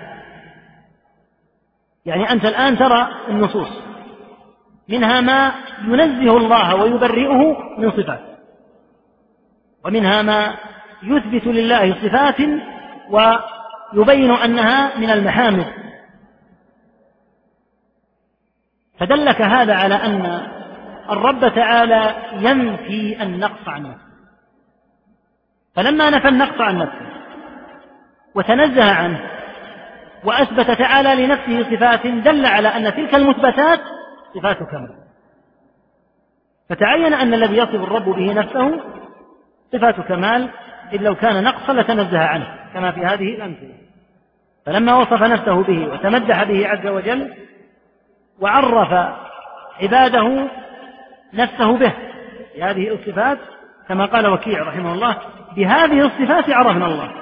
الله تعالى إن ذكر هذه الصفات فهو يعرف عباده بنفسه. فعرفنا الصفات فعرفنا ربنا بهذه الصفات. فدل على أنها كلام على أنها من الكمال. وقد قال الله عز وجل وهو أعلم بنفسه قل أأنتم أعلم؟ أم الله؟ فالحاصل أن الصفة إذا كانت نقصا فإن الله تعالى ينفيها عن نفسه. كما في قوله لما سمى نفسه بالحي قال الذي لا يموت. ونفى سبحانه وتعالى أن يعزب عنه شيء لا يضل ربي ولا ينسى. ونفى العجز عن نفسه وما كان الله ليعجزه من شيء. وهكذا نفى عن نفسه أن يكون غير سامع بل هو سامع مطلع سبحانه وتعالى. وهكذا في الحديث إن ربكم ليس بأعور. وذكر أن الدجال أعور. والأعور هو الذي ليس له إلا عين واحدة. ليثبت أن لله تعالى عينين اثنين. وهكذا نفى النبي صلى الله عليه وسلم عن نفسه عن ربه أن يكون أصم لا يسمع أو غائبا غير حاضر. فالحاصل أن صفات النقص ينفيها الرب عن نفسه. ولهذا إذا نفى الرب عز وجل عن نفسه بين الذي في هذه المنفيات من النقص كما في قوله تعالى وما ينبغي للرحمن وما ينبغي للرحمن أن يتخذ ولدا. فنفى سبحانه وتعالى أن يصلح هذا منه لأن ذلك نقص. ومنه قوله صلى الله عليه وسلم إن الله لا ينام ولا ينبغي له أن ينام. ما يليق ولا يصلح أن ينام رب العالمين الذي يصرف الأمور سبحانه وتعالى. ينام لا ينبغي أن ينام. فالشيء الذي لا يليق بالله ينفيه الرب عن نفسه. والشيء الذي يثبته يكون كمالا نعم. وقد عاقب الله تعالى الواصفين له بالنقص كما في قوله تعالى وقالت اليهود يد الله مغلولة غلت أيديهم ولعنوا بما قالوا بل يداه مبسوطتان ينفق كيف يشاء. نعم لأنهم نسبوا لله لأنهم نسبوا لله ما لا يليق. فاستحقوا لعن الله ومقته. وقالت اليهود يد الله مغلولة. قال تعالى غلت أيديهم ولعنوا بما قالوا لأنهم نسبوا إلى الله ما لا يليق وهذا جرم كبير أن ينسب إلى الله عز وجل ما لا يليق به ولهذا تأمل في هذه الآية اليهود ذكروا في هذا شيئين اثنين الشيء الأول نسبوا إلى الله اليد ولما نسبوا له اليد زعموا أنها مغلولة فأثبت الله لنفسه اللائق به وهو اليد. فقال بل يداه مبسوطتان. ونفى الغل. أين نفى الغل؟ في إثبات ضده وهو البث وقالت اليهود يد الله مغلولة. غلت أيديهم ولعنوا, ولعنوا بما قالوا بل يداه. مبسوطتان. فلم ينفي سبحانه وتعالى اليدين. أن اليدين من الكمال. ولكن نفى النقص الذي زعمته يهود فقالوا يد الله مغلولة نفى النقص بأن أثبت الكمال وهو البسط. نعم. وقوله لقد سمع الله قول الذين قالوا إن الله فقير ونحن أغنياء فنكتب ما قالوا وقتلهم الأنبياء بغير حق ونقول ذوقوا عذاب الحريق. نعم لما ذكروا عياذا بالله أن الله فقير نعوذ بالله من قالة السوء. وهذه الألفاظ الوقحة دالة على دناسة وقذارة اليهود لأنهم من يستطيع أن يقول في الله مثل هذا إلا أخبث الناس وأحط الناس. ولم يقتصروا على أن يقولوا إن الله فقير لعنة الله عليهم بل قالوا ونحن أغنياء. قالوا هو فقير ونحن الأغنياء نسأل الله العافية والسلامة. ولهذا قال تعالى مبينا العاقبة التي ستكون لهم سنكتب ما قالوا ومما ذكر عز وجل أنه سيحاسبهم عليه قتلهم الأنبياء. بغير حق ونقول ذوقوا عذاب الحريق فأوردهم النار عياذا بالله لأجل أنهم وصفوا الله وسموه بما لا يليق. فالحاصل أن تسمية الله بما لا يليق أو وصف الله بما لا يليق أمر عظيم جدا. ولهذا الرب نفى عن نفسه ما لا يليق وأثبت لنفسه ما يليق به تعالى. نعم. ونزه نفسه عما يصفونه به من النقائص فقال سبحانه سبحان ربك رب العزة عما يصفون وسلام على المرسلين والحمد لله رب العالمين. تنزهه عن النقائص دال على أن وصفه لنفسه بالصفة لا يكون إلا بكمال الصفة التي اتصف بها. إذ لو كانت نقصا لتنزه عنها كما قلنا في قوله وما ينبغي للرحمن أن يتخذ ولدا وفي قوله عليه الصلاة والسلام إن الله لا ينام ولا ينبغي له أن ينام نعم وقال تعالى ما اتخذ الله من ولد وما كان معه من إله. إذا لذهب كل إله بما خلق ولعلى بعضهم على بعض. سبحان الله عما يصفون. وإذا كانت الصفة كمالا في حال ونقصا في حال لم تكن جائزة في حق الله. لم تكن. لم تكن جائزة في حق الله. جائزة. لا لم تكن جائزة في حق الله. ولا ممتنعة على سبيل الإطلاق. فلا تثبت فلا تثبت له. فلا تثبت له إثباتا مطلقا ولا تنفى عنه نفيا مطلقا بل لا بد من التفصيل.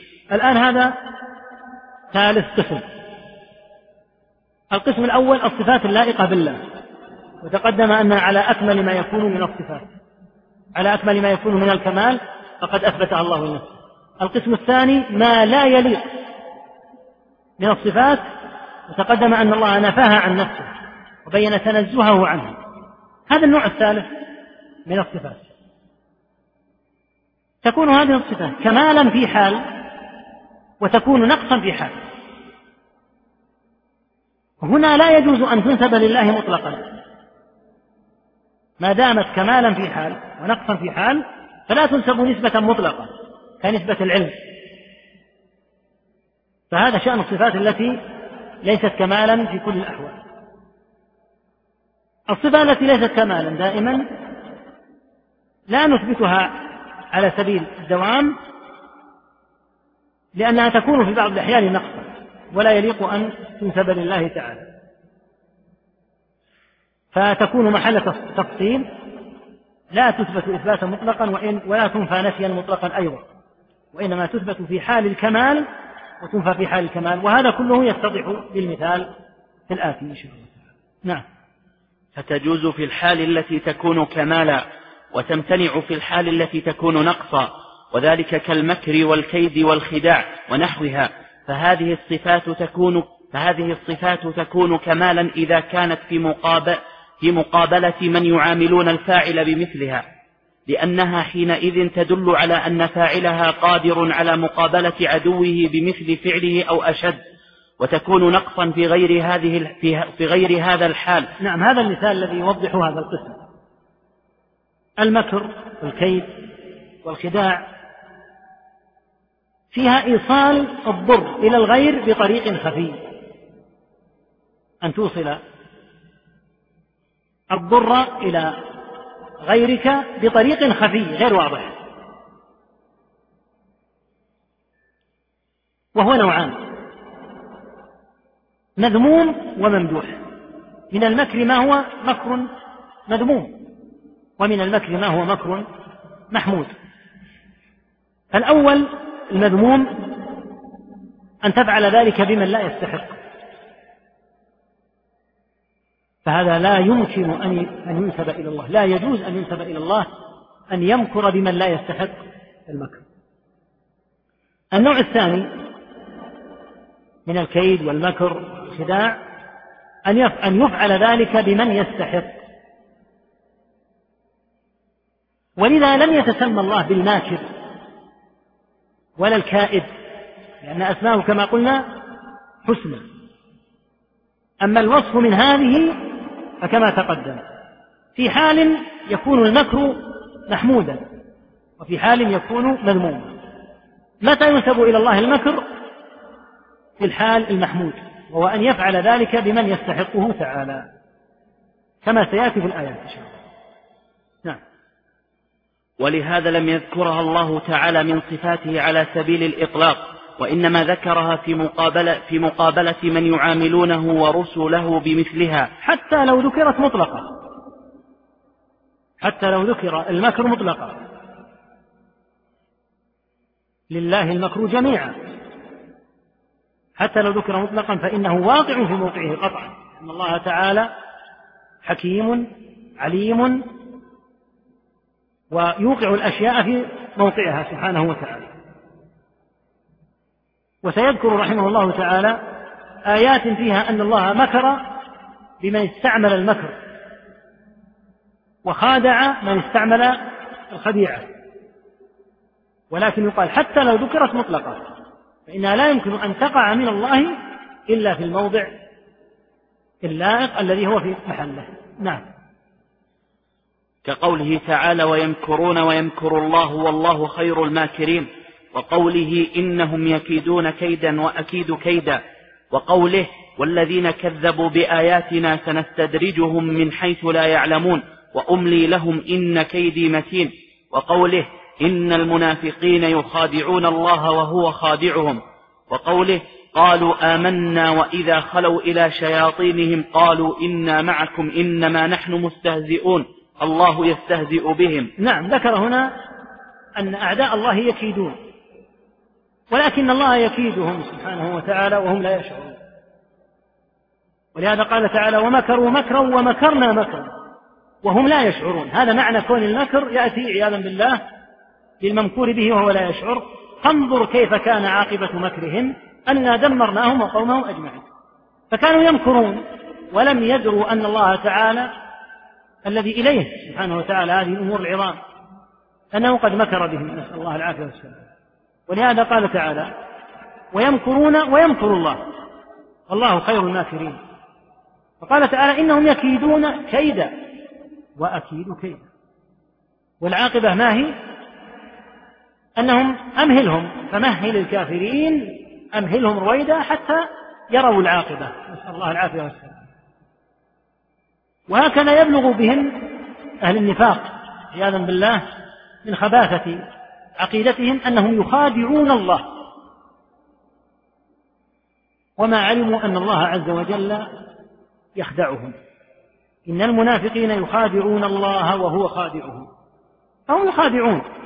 لكن الله تعالى هو خادعهم ولهذا تكون عاقبتهم في الدنيا بوار العمل واضمحلاله وفي الآخرة الدرك الأسفل من النار. فعاد عليهم خديعتهم بأسوأ ما يكون كما كما قدمنا في الآية الأولى. فانظر كيف كان عاقبة مكر عاقبة المكر عاقبة الخديعة عاقبة الكيد أن تعود عليهم هم. وهكذا قولهم في ما ذكر الله عز وجل عن ما ذكر عن الله عز وجل من أمر الاستهزاء. إذا قابلوا المؤمنين أظهروا الإيمان. وإذا خلوا إلى شياطينهم قالوا إنا معكم. إنما نحن مستهزئون. قال تعالى الله يستهزئ بهم.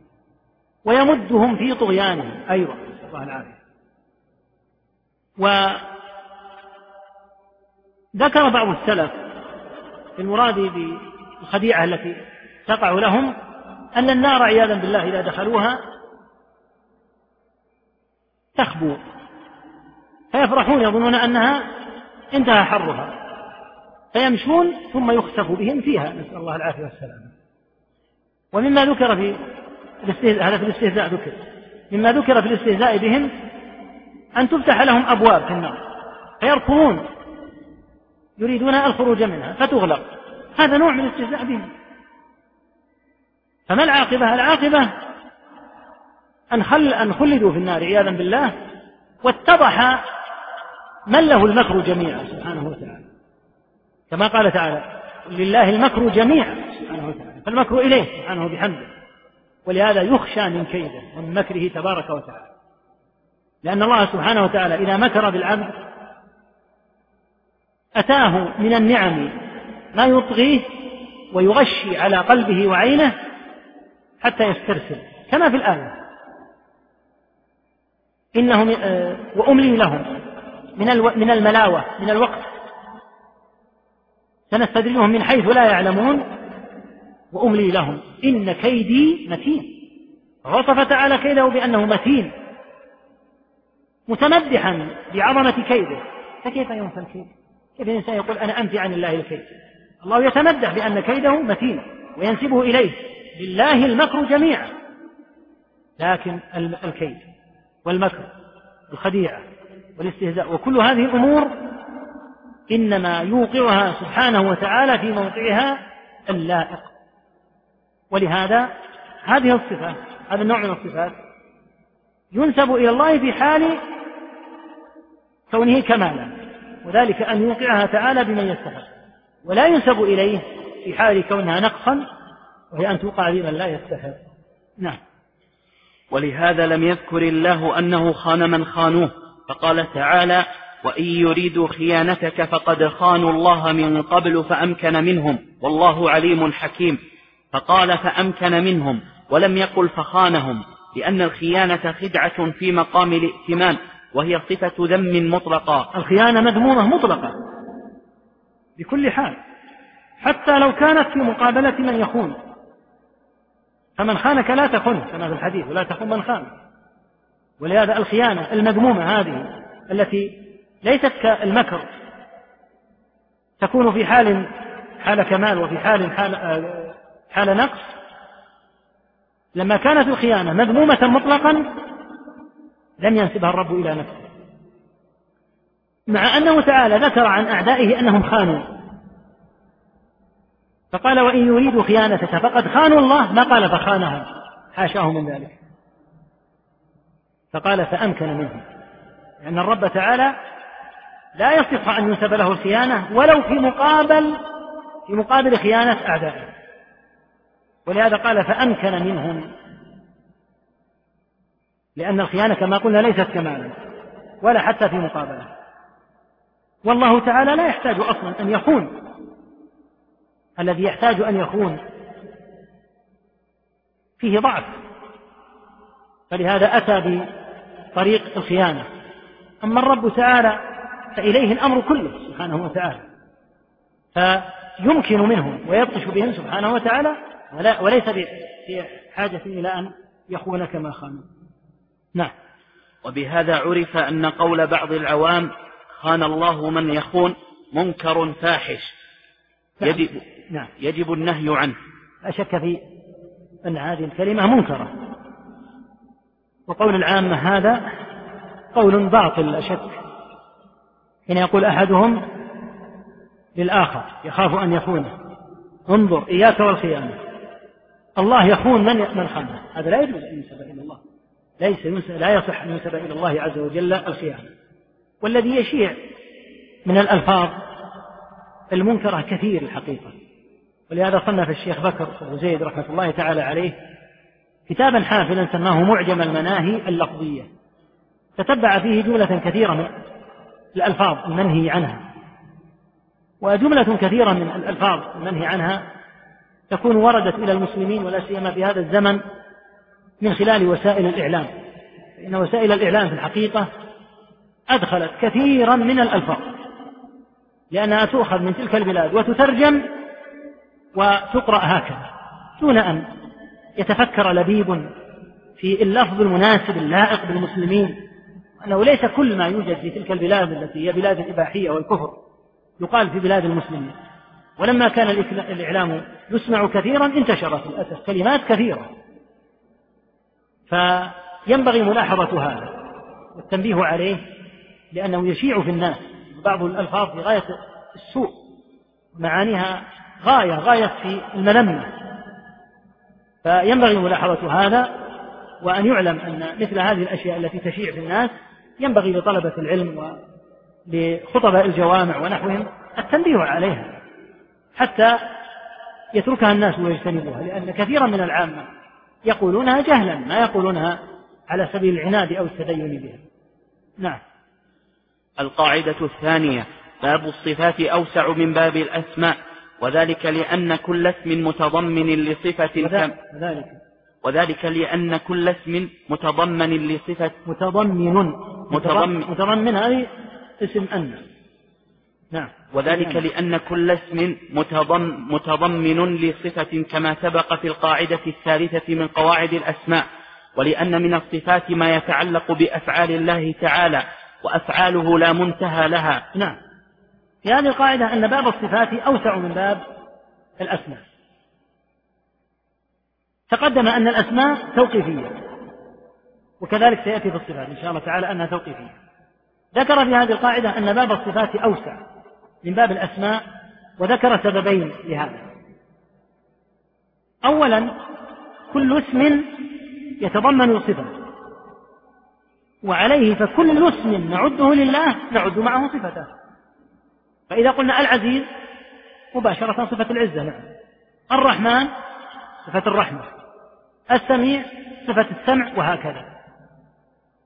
السبب الثاني أن من الصفات ما يتعلق بأفعال الله. وأفعاله وأقواله تعالى لا منتهى لها. وعليه فستكون الصفات أوسع بكثير من الأسماء. لأن من صفات الله تعالى ما يتعلق بالأفعال أفعاله عز وجل وأفعاله تعالى لا منتهى لها. فبالتالي ستكون أوسع من الأسماء. يمكن في الحقيقة أن يضاف أمر ثالث. على ما ذكره رحمه الله وهو أن الاسم يتضمن قد يتضمن أكثر من صفة. الاسم الواحد قد يتضمن, قد يتضمن أكثر من صفة. كما تقدم في اسم الحكيم. الحكيم يتضمن كما قلنا صفة الحكم وصفة الحكمة. فهو اسم واحد تضمن صفتين اثنتين. نعم. قال الله تعالى ولو, ولو أن ما في الأرض من شجرة أقلام والبحر يمده من بعده سبعة أبحر ما نفدت كلمات الله. إن الله عزيز حكيم. ومن أمثلة ذلك أن من صفات الله تعالى المجيء والإتيان. المجيء تلاحظ أخي طالب العلم أن وكان. إذا جاء بعدها جار ومجرور فاسمها مؤخر. يعني عندنا الآن أن من صفات الله المجيء المجيء هذا اسم أن مؤخر. الجار والمجرور متعلق بالخبر. وهكذا إذا قلت كان من الناس رجال. أين اسم كان رجال؟ اسم كان مؤخر. من الناس متعلق بالخبر مقدم. وهذا يكثر اللحن فيه. بعد أن وكان. وأخواتهما أن يبقى الأصل أن من صفات الله أن من صفات الله المجيء. باعتبار أن المجيء هو خبر أن وأن خبرها مرفوع لا. المجيء هنا مؤخر اسمها مؤخر. وهكذا لو قال كان من صفات الله المجيء كان من صفات الله المجيء. فيكون اسمها مؤخرا يعني إذا جاء الجار والمجرور يؤخر الاسم. نعم ومن أمثلة ذلك. ومن أمثلة ذلك أن من صفات الله تعالى المجيء والإتيان والأخذ وال... والإتيان والأخذ. والإتيان والأخذ والإمساك والبطش إلى غير ذلك من الصفات التي لا تحصى كما قال تعالى وجاء ربك وقال هل ينظرون إلا أن يأتيهم الله في ظلل من الغمام؟ وقال فأخذهم الله بذنوبهم. وقال ويمسك السماء أن تقع على الأرض إلا بإذنه. وقال إن بطش ربك لشديد. وقال يريد الله بكم اليسر ولا يريد بكم العسر. وقال النبي صلى الله عليه وسلم ينزل ربنا كل ليلة إلى السماء الدنيا. فنصف الله تعالى بهذه الصفات على الوجه الوارد ولا نسميه بها. فلا نقول أن إن من أسمائه الجائي والآتي والآخذ والممسك والباطش والمريد والنازل ونحو ذلك. وإن كنا نخبر بذلك عنه ونصفه به. نعم كما ذكر رحمه الله. نصف الله عز وجل بأوصاف ولا نأخذ منها أسماء. فنصفه تعالى كما هنا بأنه يجي يبطش ينزل إلى سماء الدنيا. ولا نجعل من هذه الصفات أسماء. نحن نجعلها ليس, ليس لنا ذلك. فنقول الجائي الباطش النازل. هنا الآن هذه اتصف بها ولم يتسمى بها. ولهذا صار باب الصفات أوسع. لأنه سبحانه وتعالى يتصف بصفات ولا يتسمى بها. أما الاسم إذا تسمى به فلا بد أن فيه صفات فلهذا صار باب الصفات أوسع من باب الأسماء نعم. القاعدة الثالثة صفات الله تعالى تنقسم إلى قسمين ثبوتية وسلبية. فالثبوتية ما أثبته الله تعالى لنفسه في كتابه أو على لسان رسوله صلى الله عليه وسلم وكلها صفات كمال لا نقص فيها بوجه من الوجوه كالحياة والعلم والقدرة والاستواء على العرش والنزول إلى السماء الدنيا والوجه واليدين ونحو ذلك. نعم كمان الثبوتية يعني الثابتة لله التي أثبتها الله لنفسه أو أثبتها له رسوله صلى الله عليه وسلم. هذا معنى الثبوتية. كما ذكر هنا كالحياة والسمع والبصر والعلم والنزول وغيره. فهذه تسمى ثبوتية أي تثبت لله تبارك وتعالى لأن الله أثبتها لنفسه أو أثبتها له رسوله صلى الله عليه وسلم. نعم. فيجب, فيجب إثباتها لله تعالى حقيقة على الوجه اللائق به بدليل السمع والعقل. أما السمع فمنه قوله تعالى يا أيها الذين آمنوا آمنوا بالله ورسوله والكتاب الذي نزل على رسوله والكتاب الذي أنزل من قبل. ومن يكفر بالله وملائكته وكتبه ورسله واليوم الآخر فقد ضل ضلالا بعيدا. فالإيمان بالله يتضمن الإيمان بصفاته. يتضمن. يتضمن الإيمان بصفاته. نعم. والإيمان بالكتاب الذي نزل على رسوله يتضمن الإيمان بكل ما جاء فيه من صفات الله.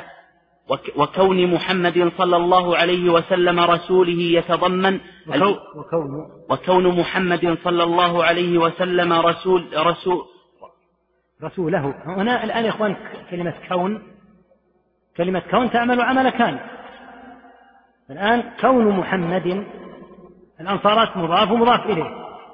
أين يظهر أثر المصدر هنا؟ يظهر في الخبر. كون محمد رسوله يعني كأنه يقول كان محمد رسوله. نعم. وكون محمد صلى الله عليه و... صلى الله عليه وسلم رسوله يتضمن الإيمان بكل ما أخبر به عن, مرسل عن مرسله. عن مرسله. عن مرسله. وهو الله عز وجل.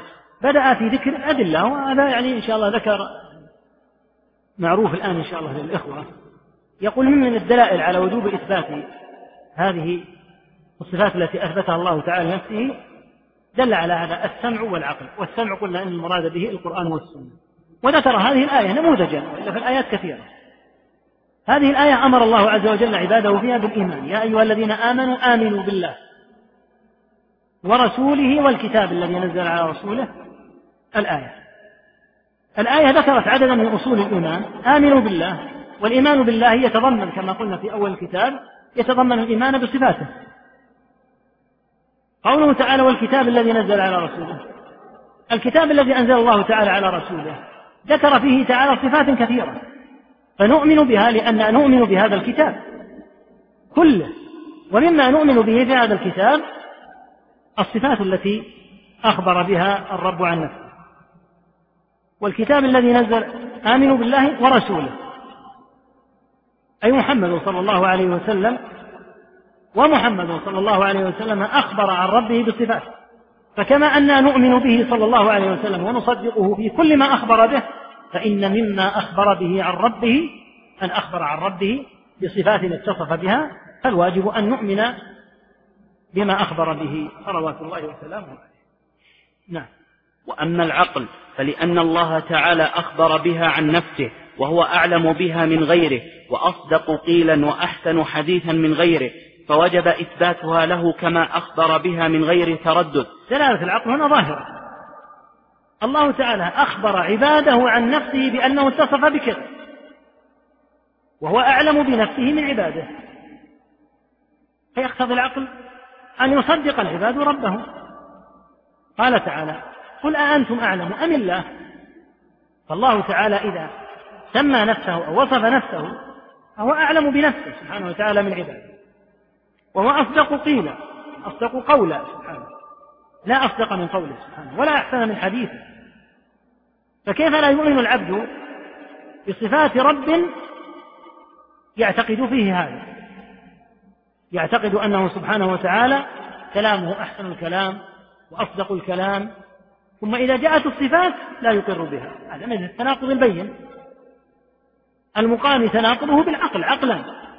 لأن العقل يضطر العبد ما دام قد آمن بربه تعالى وربه تعالى يخبره أنه متصف بكذا وكذا مقتضى العقل أن يصدق الرب سبحانه وتعالى. نعم. فإن التردد في الخبر إنما يتأتى حين يكون الخبر صادرا ممن يجوز عليه الجهل أو الكذب أو العي بحيث لا يفصح بما يريد. بحيث؟ بحيث لا يفصح. لا يفصح. لا يفصح بما يريد. أعد أعد. من يجوز عليه الجهل أو الكذب ممن ممن يجوز عليه الجهل, أو الكذب أو العي أو أو العي أو العي بحيث لا يفصح بما يريد نعم. وكل هذه العيوب الثلاثة ممتنعة في حق الله عز وجل فوجب قبول فوجب قبول خبره على ما أخبر به. نعم متى يقع التردد في الخبر؟ إذا جاءك خبر فإنك تتردد فيه في أحوال ثلاثة.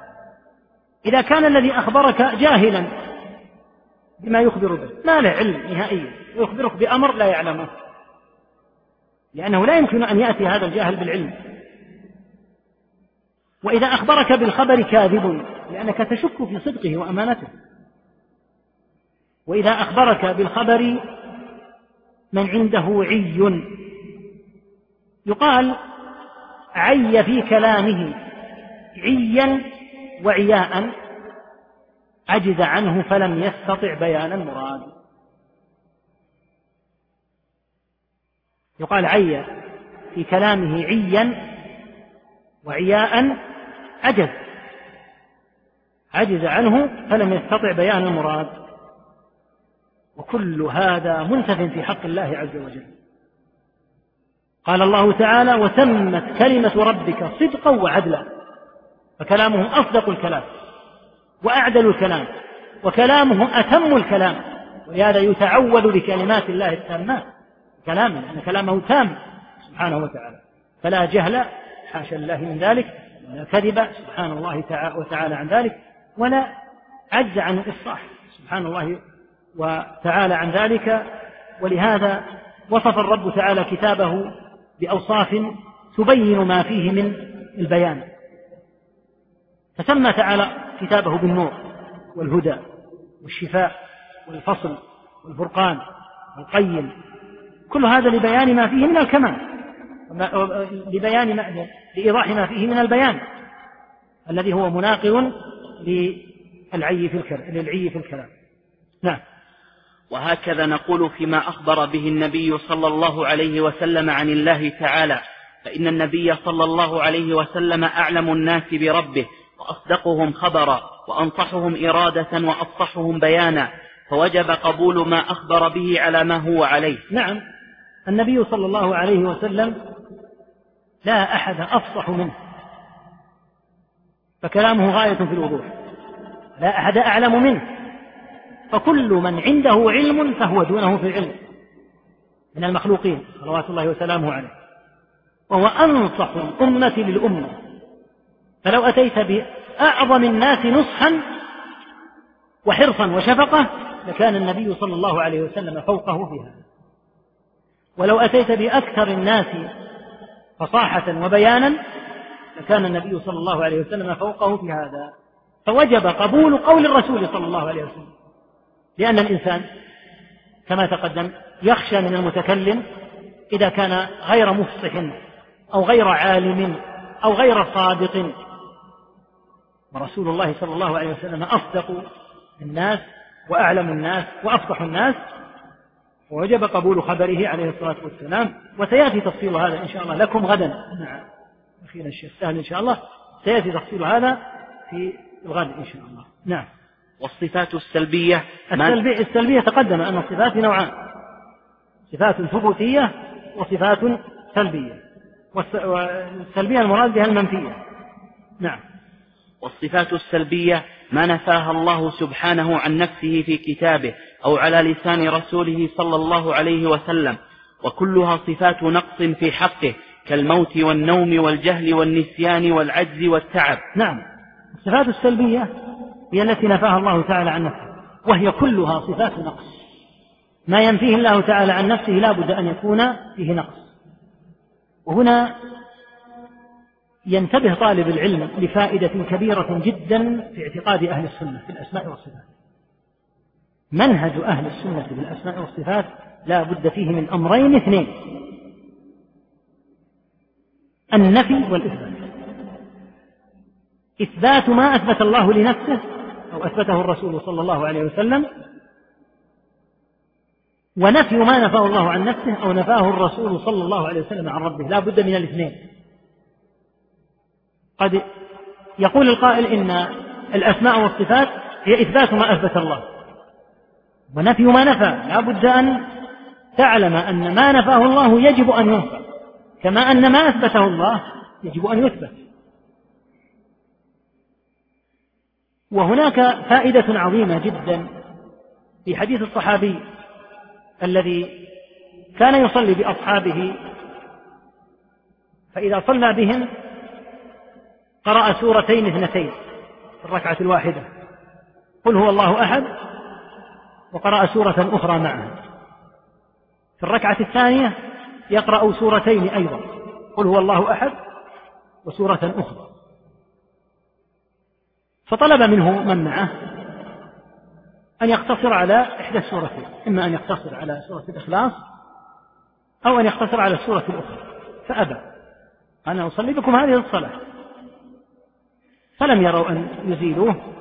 وأخبروا النبي صلى الله عليه وسلم بصنيعه هذا فقال عليه الصلاة والسلام سلوه لأي شيء يصنع هذا. فقال وهذا هو الشاهد لأنها صفة الرحمن يعني سورة الإخلاص قل هو الله أحد وأنا أحبها. فقال حبك إياها أدخلك الجنة. وكما قال عليه الصلاة والسلام الشاهد أن الصحابي ماذا قال في سورة الإخلاص؟ قل هو الله أحد. قال لأنها صفة الرحمن. ما الذي تضمنته سورة الإخلاص؟ تضمنت النفي والإثبات. قل هو الله أحد. إثبات. الله الصمد. إثبات. لم يلد ولم يولد نفي. ولم يكن له كفوا أحد نفي. ماذا سمى هذا الصحابي هذه السورة؟ سماها بصفة الرحمن. أقره النبي صلى الله عليه وسلم. نعم أقره. فدل على أن الصفات لا بد فيها من النفي والإثبات. ولهذا الآية التي هي قاعدة في الأسماء والصفات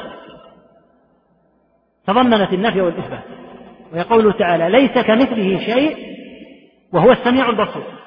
ليس كمثله شيء نفي هو السميع البصير إثبات فلا بد من الأمرين لا بد من النفي ولا بد من الإثبات. وهذا من المهم بمكان أن يتفطن له طالب العلم كما ذكر شيخ الإسلام رحمه الله في الواسطية أن مذهب أهل السنة في الأسماء والصفات يتضمن النفي والإثبات. نفي ما نفاه الله أو نفاه الرسول صلى الله عليه وسلم وإثبات ما أثبته الله أو أثبته الرسول صلى الله عليه وسلم. نعم. فيجب نفيها عن الله تعالى لما سبق مع إثبات ضدها على الوجه الأكمل وذلك لأن ما نفاه الله تعالى عن نفسه فالمراد به بيان انتفائه لثبوت كمال ضده لا لمجرد نفيه. لأن النفي ليس بكمال إلا أن يتضمن ما يدل على الكمال وذلك لأن النفي عدم والعدم ليس بشيء فضلا عن أن يكون كمالا. معنى هذا؟ أن ما نفاه الله تعالى من الصفات صفات النقص نفاه عن نفسه لاتصافه بضدها من صفات الكمال. لأن النفي المحض المجرد ليس مما يتمدح به. فنفى الله تعالى عن نفسه صفة نقص لأنه متصف بضدها من صفة الكمال. فنفى الظلم نفى الظلم عن نفسه بكمال عدله. ونفى الموت عن نفسه لكمال حياته. وهكذا. إذا النفي لا بد في صفات الله لا بد أن يتضمن ما يدل على الكمال. إذ النفي عدم والعدم ليس بشيء فضلا عن أن يكون كمالا. فما نفاه الله تعالى عن نفسه من الصفات. فإنما نفاه لأنه تعالى متصف بضد هذا النقص من الكمال. نعم. ولأن النفي قد يكون لعدم قابلية المحل له فلا يكون كمالا كما لو قلت الجدار لا يظلم. وقد يكون للعجز عن القيام به فيكون نقصا. نعم هذا بيان لكون النفي المحض لا يتضمن الكمال. فقد ينفى الشيء بعدم قابلية المحل المنفي عنه لاتصافه بأن يتصف به كنفي الظلم عن الجدار. هذا ليس كمالا لا يقال هذا الجدار لا يظلم. أنت لا تمدحه بهذا لأن الجدار ليس محلا قابلا أصلا للظلم حتى يظلم أو لا يظلم. وقد ينفى الوصف الذي هو نقص بسبب العجز عنه. فقد ينفى الظلم عن عاجز. هو لم يظلم لا لأنه متصف بصفة العدل ولكن لأنه يعجز عن أن يظلم لأنه دليل. ولو قد عز لربما ظلم لكنه لا يظلم لعجزه. كما في أبيات الشعر التي سيورد رحمه الله تعالى. الآن نعم. كما في قول الشاعر قبيلة لا يغدرون بذمة ولا يظلمون الناس حبة خردل. وقول الآخر لكن قومي وإن كانوا ذوي حسب ليسوا من الشر في شيء وإن هانا. هذا مراده الذم يريد أن يهزأ بهم. أولا قال قبيلة ما قال قبيلة؟ قبيلة صغيرة واضح أنه يستهزئ بهم. يقول لا يغدرون بذمة. من طريقتهم أنهم ليسوا من أهل الغدر. ومن طريقتهم أنهم لا يظلمون الناس ولو شيئا يسيرا ولا يظلمون الناس حبة خردل. أتظنه يمدحهم؟ يذمهم. بقوله في أول الكلام قبيلة يعني أنهم ليسوا بشيء. عدد قليل ليسوا شيء أناس مستذلون ضعفاء فلأجل ذلهم لا يغدرون. ولو كانوا أقوياء على طريقة أهل الجاهلية لرأوا القدر شرفا. ولا يظلمون الناس. سبب عدم ظلمهم للناس وتعديهم عليهم أنهم ضعفاء عاجزون. فهو بهذا يذمهم أشد الذنب. وهكذا قول الآخر في قومه. لكن قومي وإن كانوا ذوي حسب هم أحساب هم مكانة ليسوا من الشر في شيء. وإن هان وإن كان شيئا يسيرا وإن كان مجرد مضاربة أو مجرد مشاجرة فضلا عن أن يستطيعوا القتال فهو يذمهم بهذا. هذا معنى قوله إنه قد ينفى النقص قد تنفى صفة النقص في بعض الأحيان للعجز عنها. فهؤلاء لا يظلمون لأنهم عاجزون عن أن يظلموا ولا سيما على مفاهيم أهل الجاهلية. ومن لا يظلم الناس يظلمي هكذا مفاهيمهم. ولهذا إذا لم تظلم هذا لضعفك في نظرهم. الحاصل أن هذا ينفي الظلم عنهم لا لكونهم أهل عدل ولكن لكونهم أهل ذل وعدم قدرة على الظلم. نعم. مثال ذلك قوله تعالى وتوكل على الحي الذي لا يموت فنفي الموت عنه يتضمن كمال حياته. نعم كما تقدم. نفي النقص عن الله عز وجل متضمن لكمال ضد الموت وهو الحياة. وتوكل على الحي الذي لا يموت فنفى الموت لكمال حياته تعالى. نعم. مثال آخر قوله تعالى ولا يظلم ربك أحدا. نفي الظلم عنه يتضمن كمال عدله. يتضمن كمال عدله. نعم. الله تعالى لا يعجزه شيء في الأرض ولا في السماء ومع ذلك لا يظلم. لكمال عدله مع قدرته. هو قادر على أن يظلم لكنه حرم الظلم على نفسه. يا عبادي إني حرمت الظلم على نفسي. فحرم الظلم على نفسه تعالى. فهو لا يظلم لكمال عدله ولهذا أخبر تعالى أنه لا يظلم الناس مثقال ذرة. إن الله لا يظلم مثقال ذرة. حتى شيء يسير مع قوته وعظمته. هذا هو موضع المدح في نفي الظلم. لأنه القدير القوي القهار الذي لا يحول دونه أحد. مع ذلك لا يظلم لكمال عدله لا لعجزه حاشاه من ذلك نعم. مثال ثالث قوله تعالى وما كان الله ليعجزه من شيء في السماوات ولا في الأرض فنفي العجز عنه يتضمن كمال علمه وقدرته. ولهذا قال ولهذا قال بعده إنه كان عليما قديرا لأن العجز سببه إما الجهل بأسباب الإيجاد وإما قصور القدرة عنه. فلكمال علم الله تعالى وقدرته لم يكن ليعجزه شيء في السماوات ولا في الأرض. نعم. تأمل هذه الآية. وما كان الله ليعجزه؟ هذا نفي. للعجز. وما كان الله ليعجزه من شيء في السماوات ولا في الأرض. نفي العجز هنا يتضمن كمال علمه وكمال قدرته. لهذا قال بعده إنه كان عليما قديرا. فهو لا يعجز لكمال علمه ولا يعجز لكمال قدرته سبحانه وتعالى. لأن العجز إما بسبب الجهل بأسباب الإيجاد هو عاجز لأنه لا يفهم لا يستطيع أن يوجد الأسباب فلذلك يعجز المخلوق مثلا أو لقصور القدرة حتى لو عرف الأسباب لكنه لا يقدر. أما الله تعالى فهو لا يعجز لكمال قدرته وكمال علمه سبحانه وتعالى. نعم. وبهذا المثال علمنا أن الصفة السلبية قد قد تتضمن أكثر من كمال. نعم يعني الصفات السلبية مثل العجز قد تتضمن أكثر من كمال.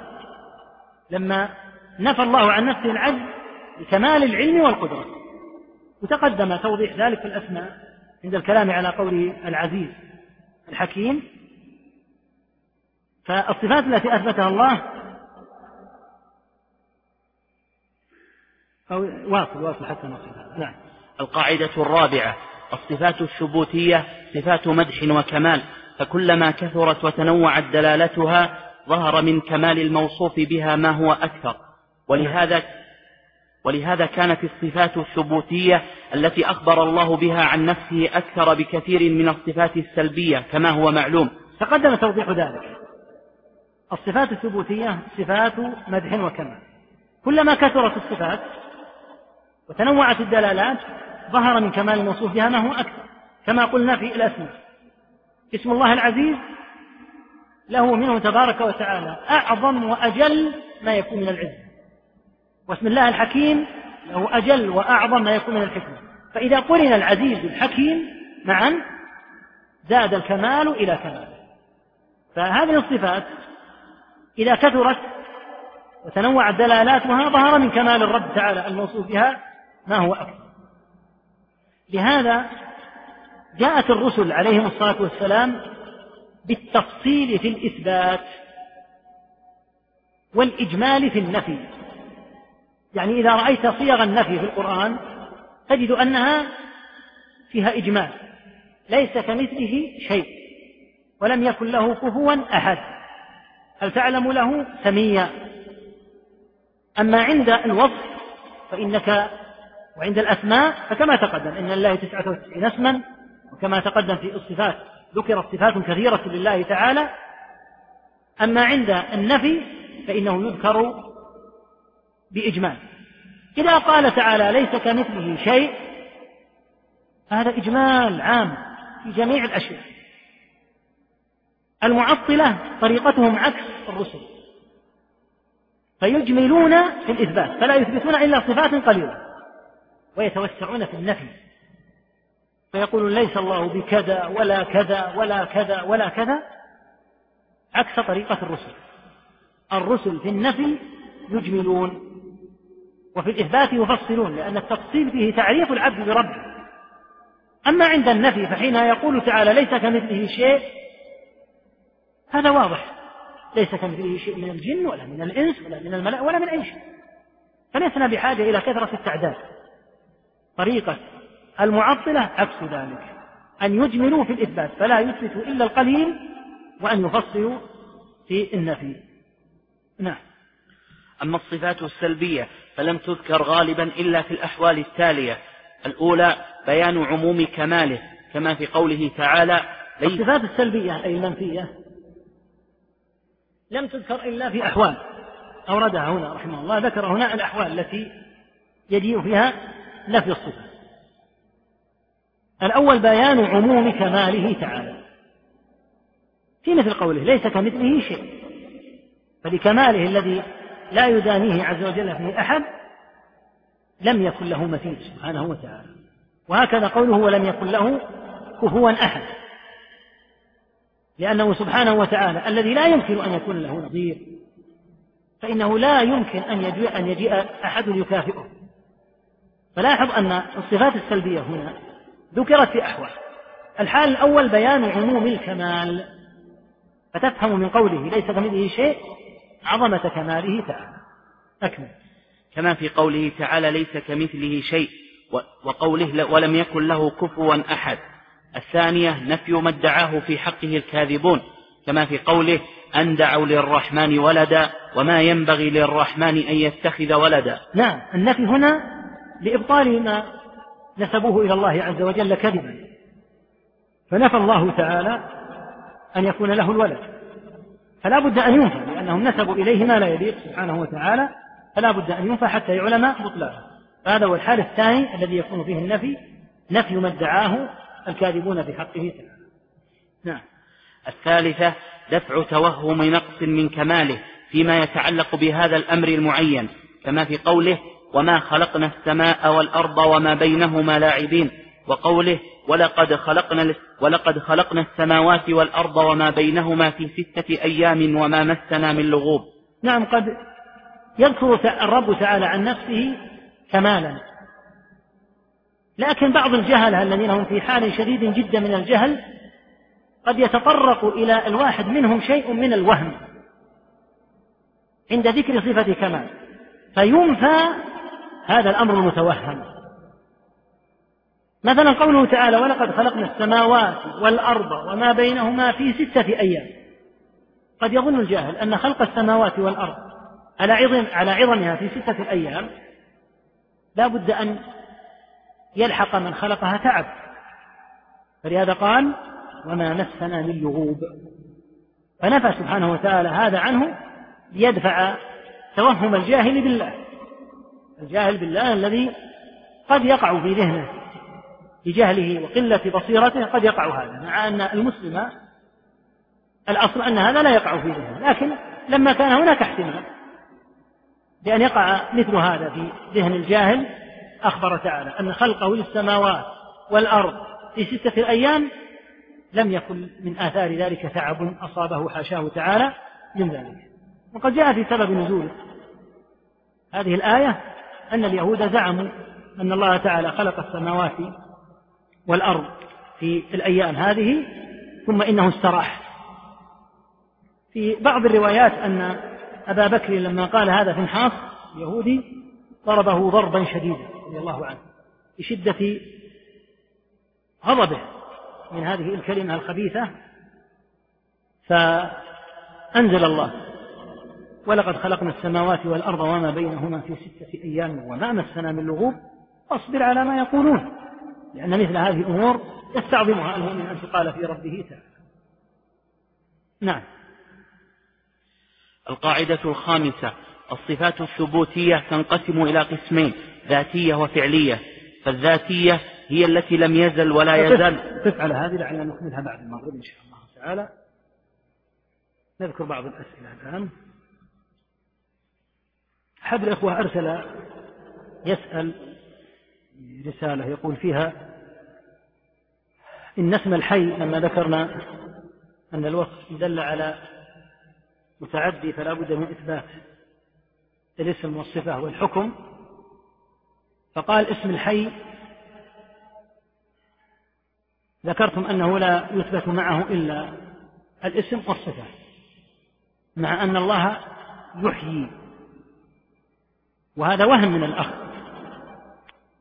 لأن المحيي غير الحي الحي يثبت اسم الحي وتثبت صفة الحياة. أما المحيي فهذا هو المتعدي ففرق بين الحي وبين المحيي. الأخ يقول هل تجوز هل تجوز هذه الألفاظ؟ يا وجه الله عند الاندهاش هذه تقولها البادية غالبا. وهي ليست سليمة ولا ينبغي لأن الذي يدعى يدعى الله مع أنه كثير منتشر وإنما يدعى الله يقال يا الله. كذلك كلمة جلالة الملك للبشر الحمد لله. في هذه البلاد غير هذا والجلالة لله عز وجل.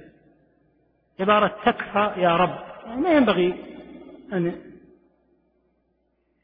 يكون دعاء الله عز وجل بمثل هذه الصيغ.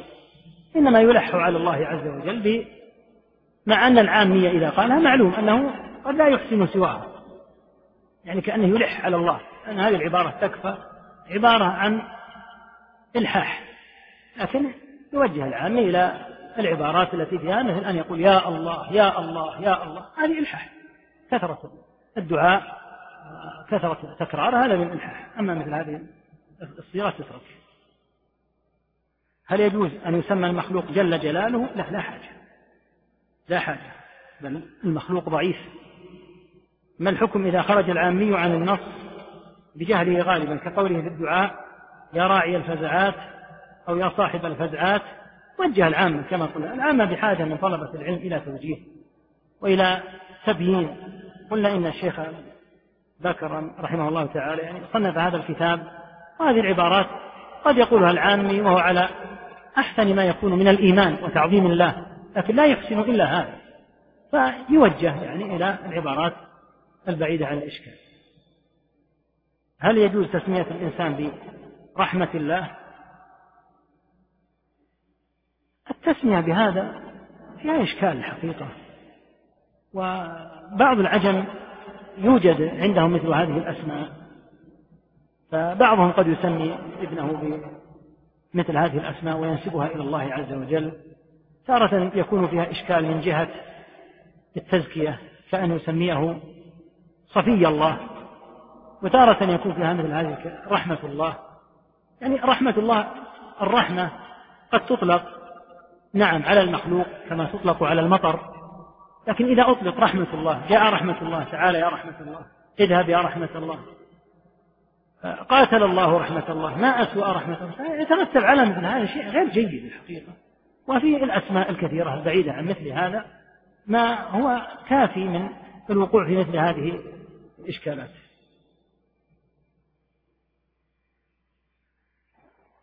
يقول هل كل ما ذكر من الأسماء يجوز أن يسمى بها بإضافة عبد؟ يعني أسماء الله عز وجل التي ذكرنا مثل الرحمن الرحيم الكريم السميع البصير تعبد بها الأسماء.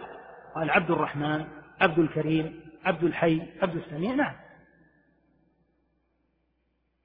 يقول لماذا لا نشتق من الصفة اسما لله تعالى؟ مثل ما قلنا لك يا أخي. أولا لأن الأسماء توقيفية. وثانيا لأن باب الصفات أوسع من باب الأسماء. فيتصف الله كما قلنا مثلا بالكيد لأنه سبحانه وتعالى قلنا إن الكيد نوعان. إيصال الضر إلى المستحق وإيصال الضر إلى غير المستحق. والله عز وجل يوصف بإيصال الضر إلى المستحق. فيوصف بهذا القدر فقط. ولا يوصف مطلقا بالكيد. وإنما بإيصاله الضر إلى المستحق. فإذا قلت الكائد الماكر أنت الآن أطلقت. بينما إذا جعلت الكيد والمكر والخديعة ونحو الوضع الذي ذكرناه لا يترتب على هذا إن شاء الله إشكال.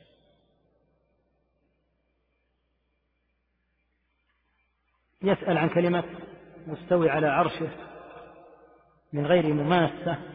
الأصل أن يقال كما قال الله تعالى وكما قال السلام مستو على عرشه سبحانه وتعالى. الرب سبحانه وتعالى يستوي على عرشه والإضافات التي قد تضاف من مثل عبارات المتكلمين ونحوها عبارات مجملة. سيأتي لكم إن شاء الله تعالى كلام في العبارات المجملة وإطلاقها وأنه لا بد من التفصيل فيها. فيقال الله تعالى مستو على عرشه استواء حقيقيا لهذا فسر بعض السلف الاستواء بالاستقرار وفسره بعضهم بالارتفاع والعلو والصعود وكلها دالة على أنها صفة حقيقية.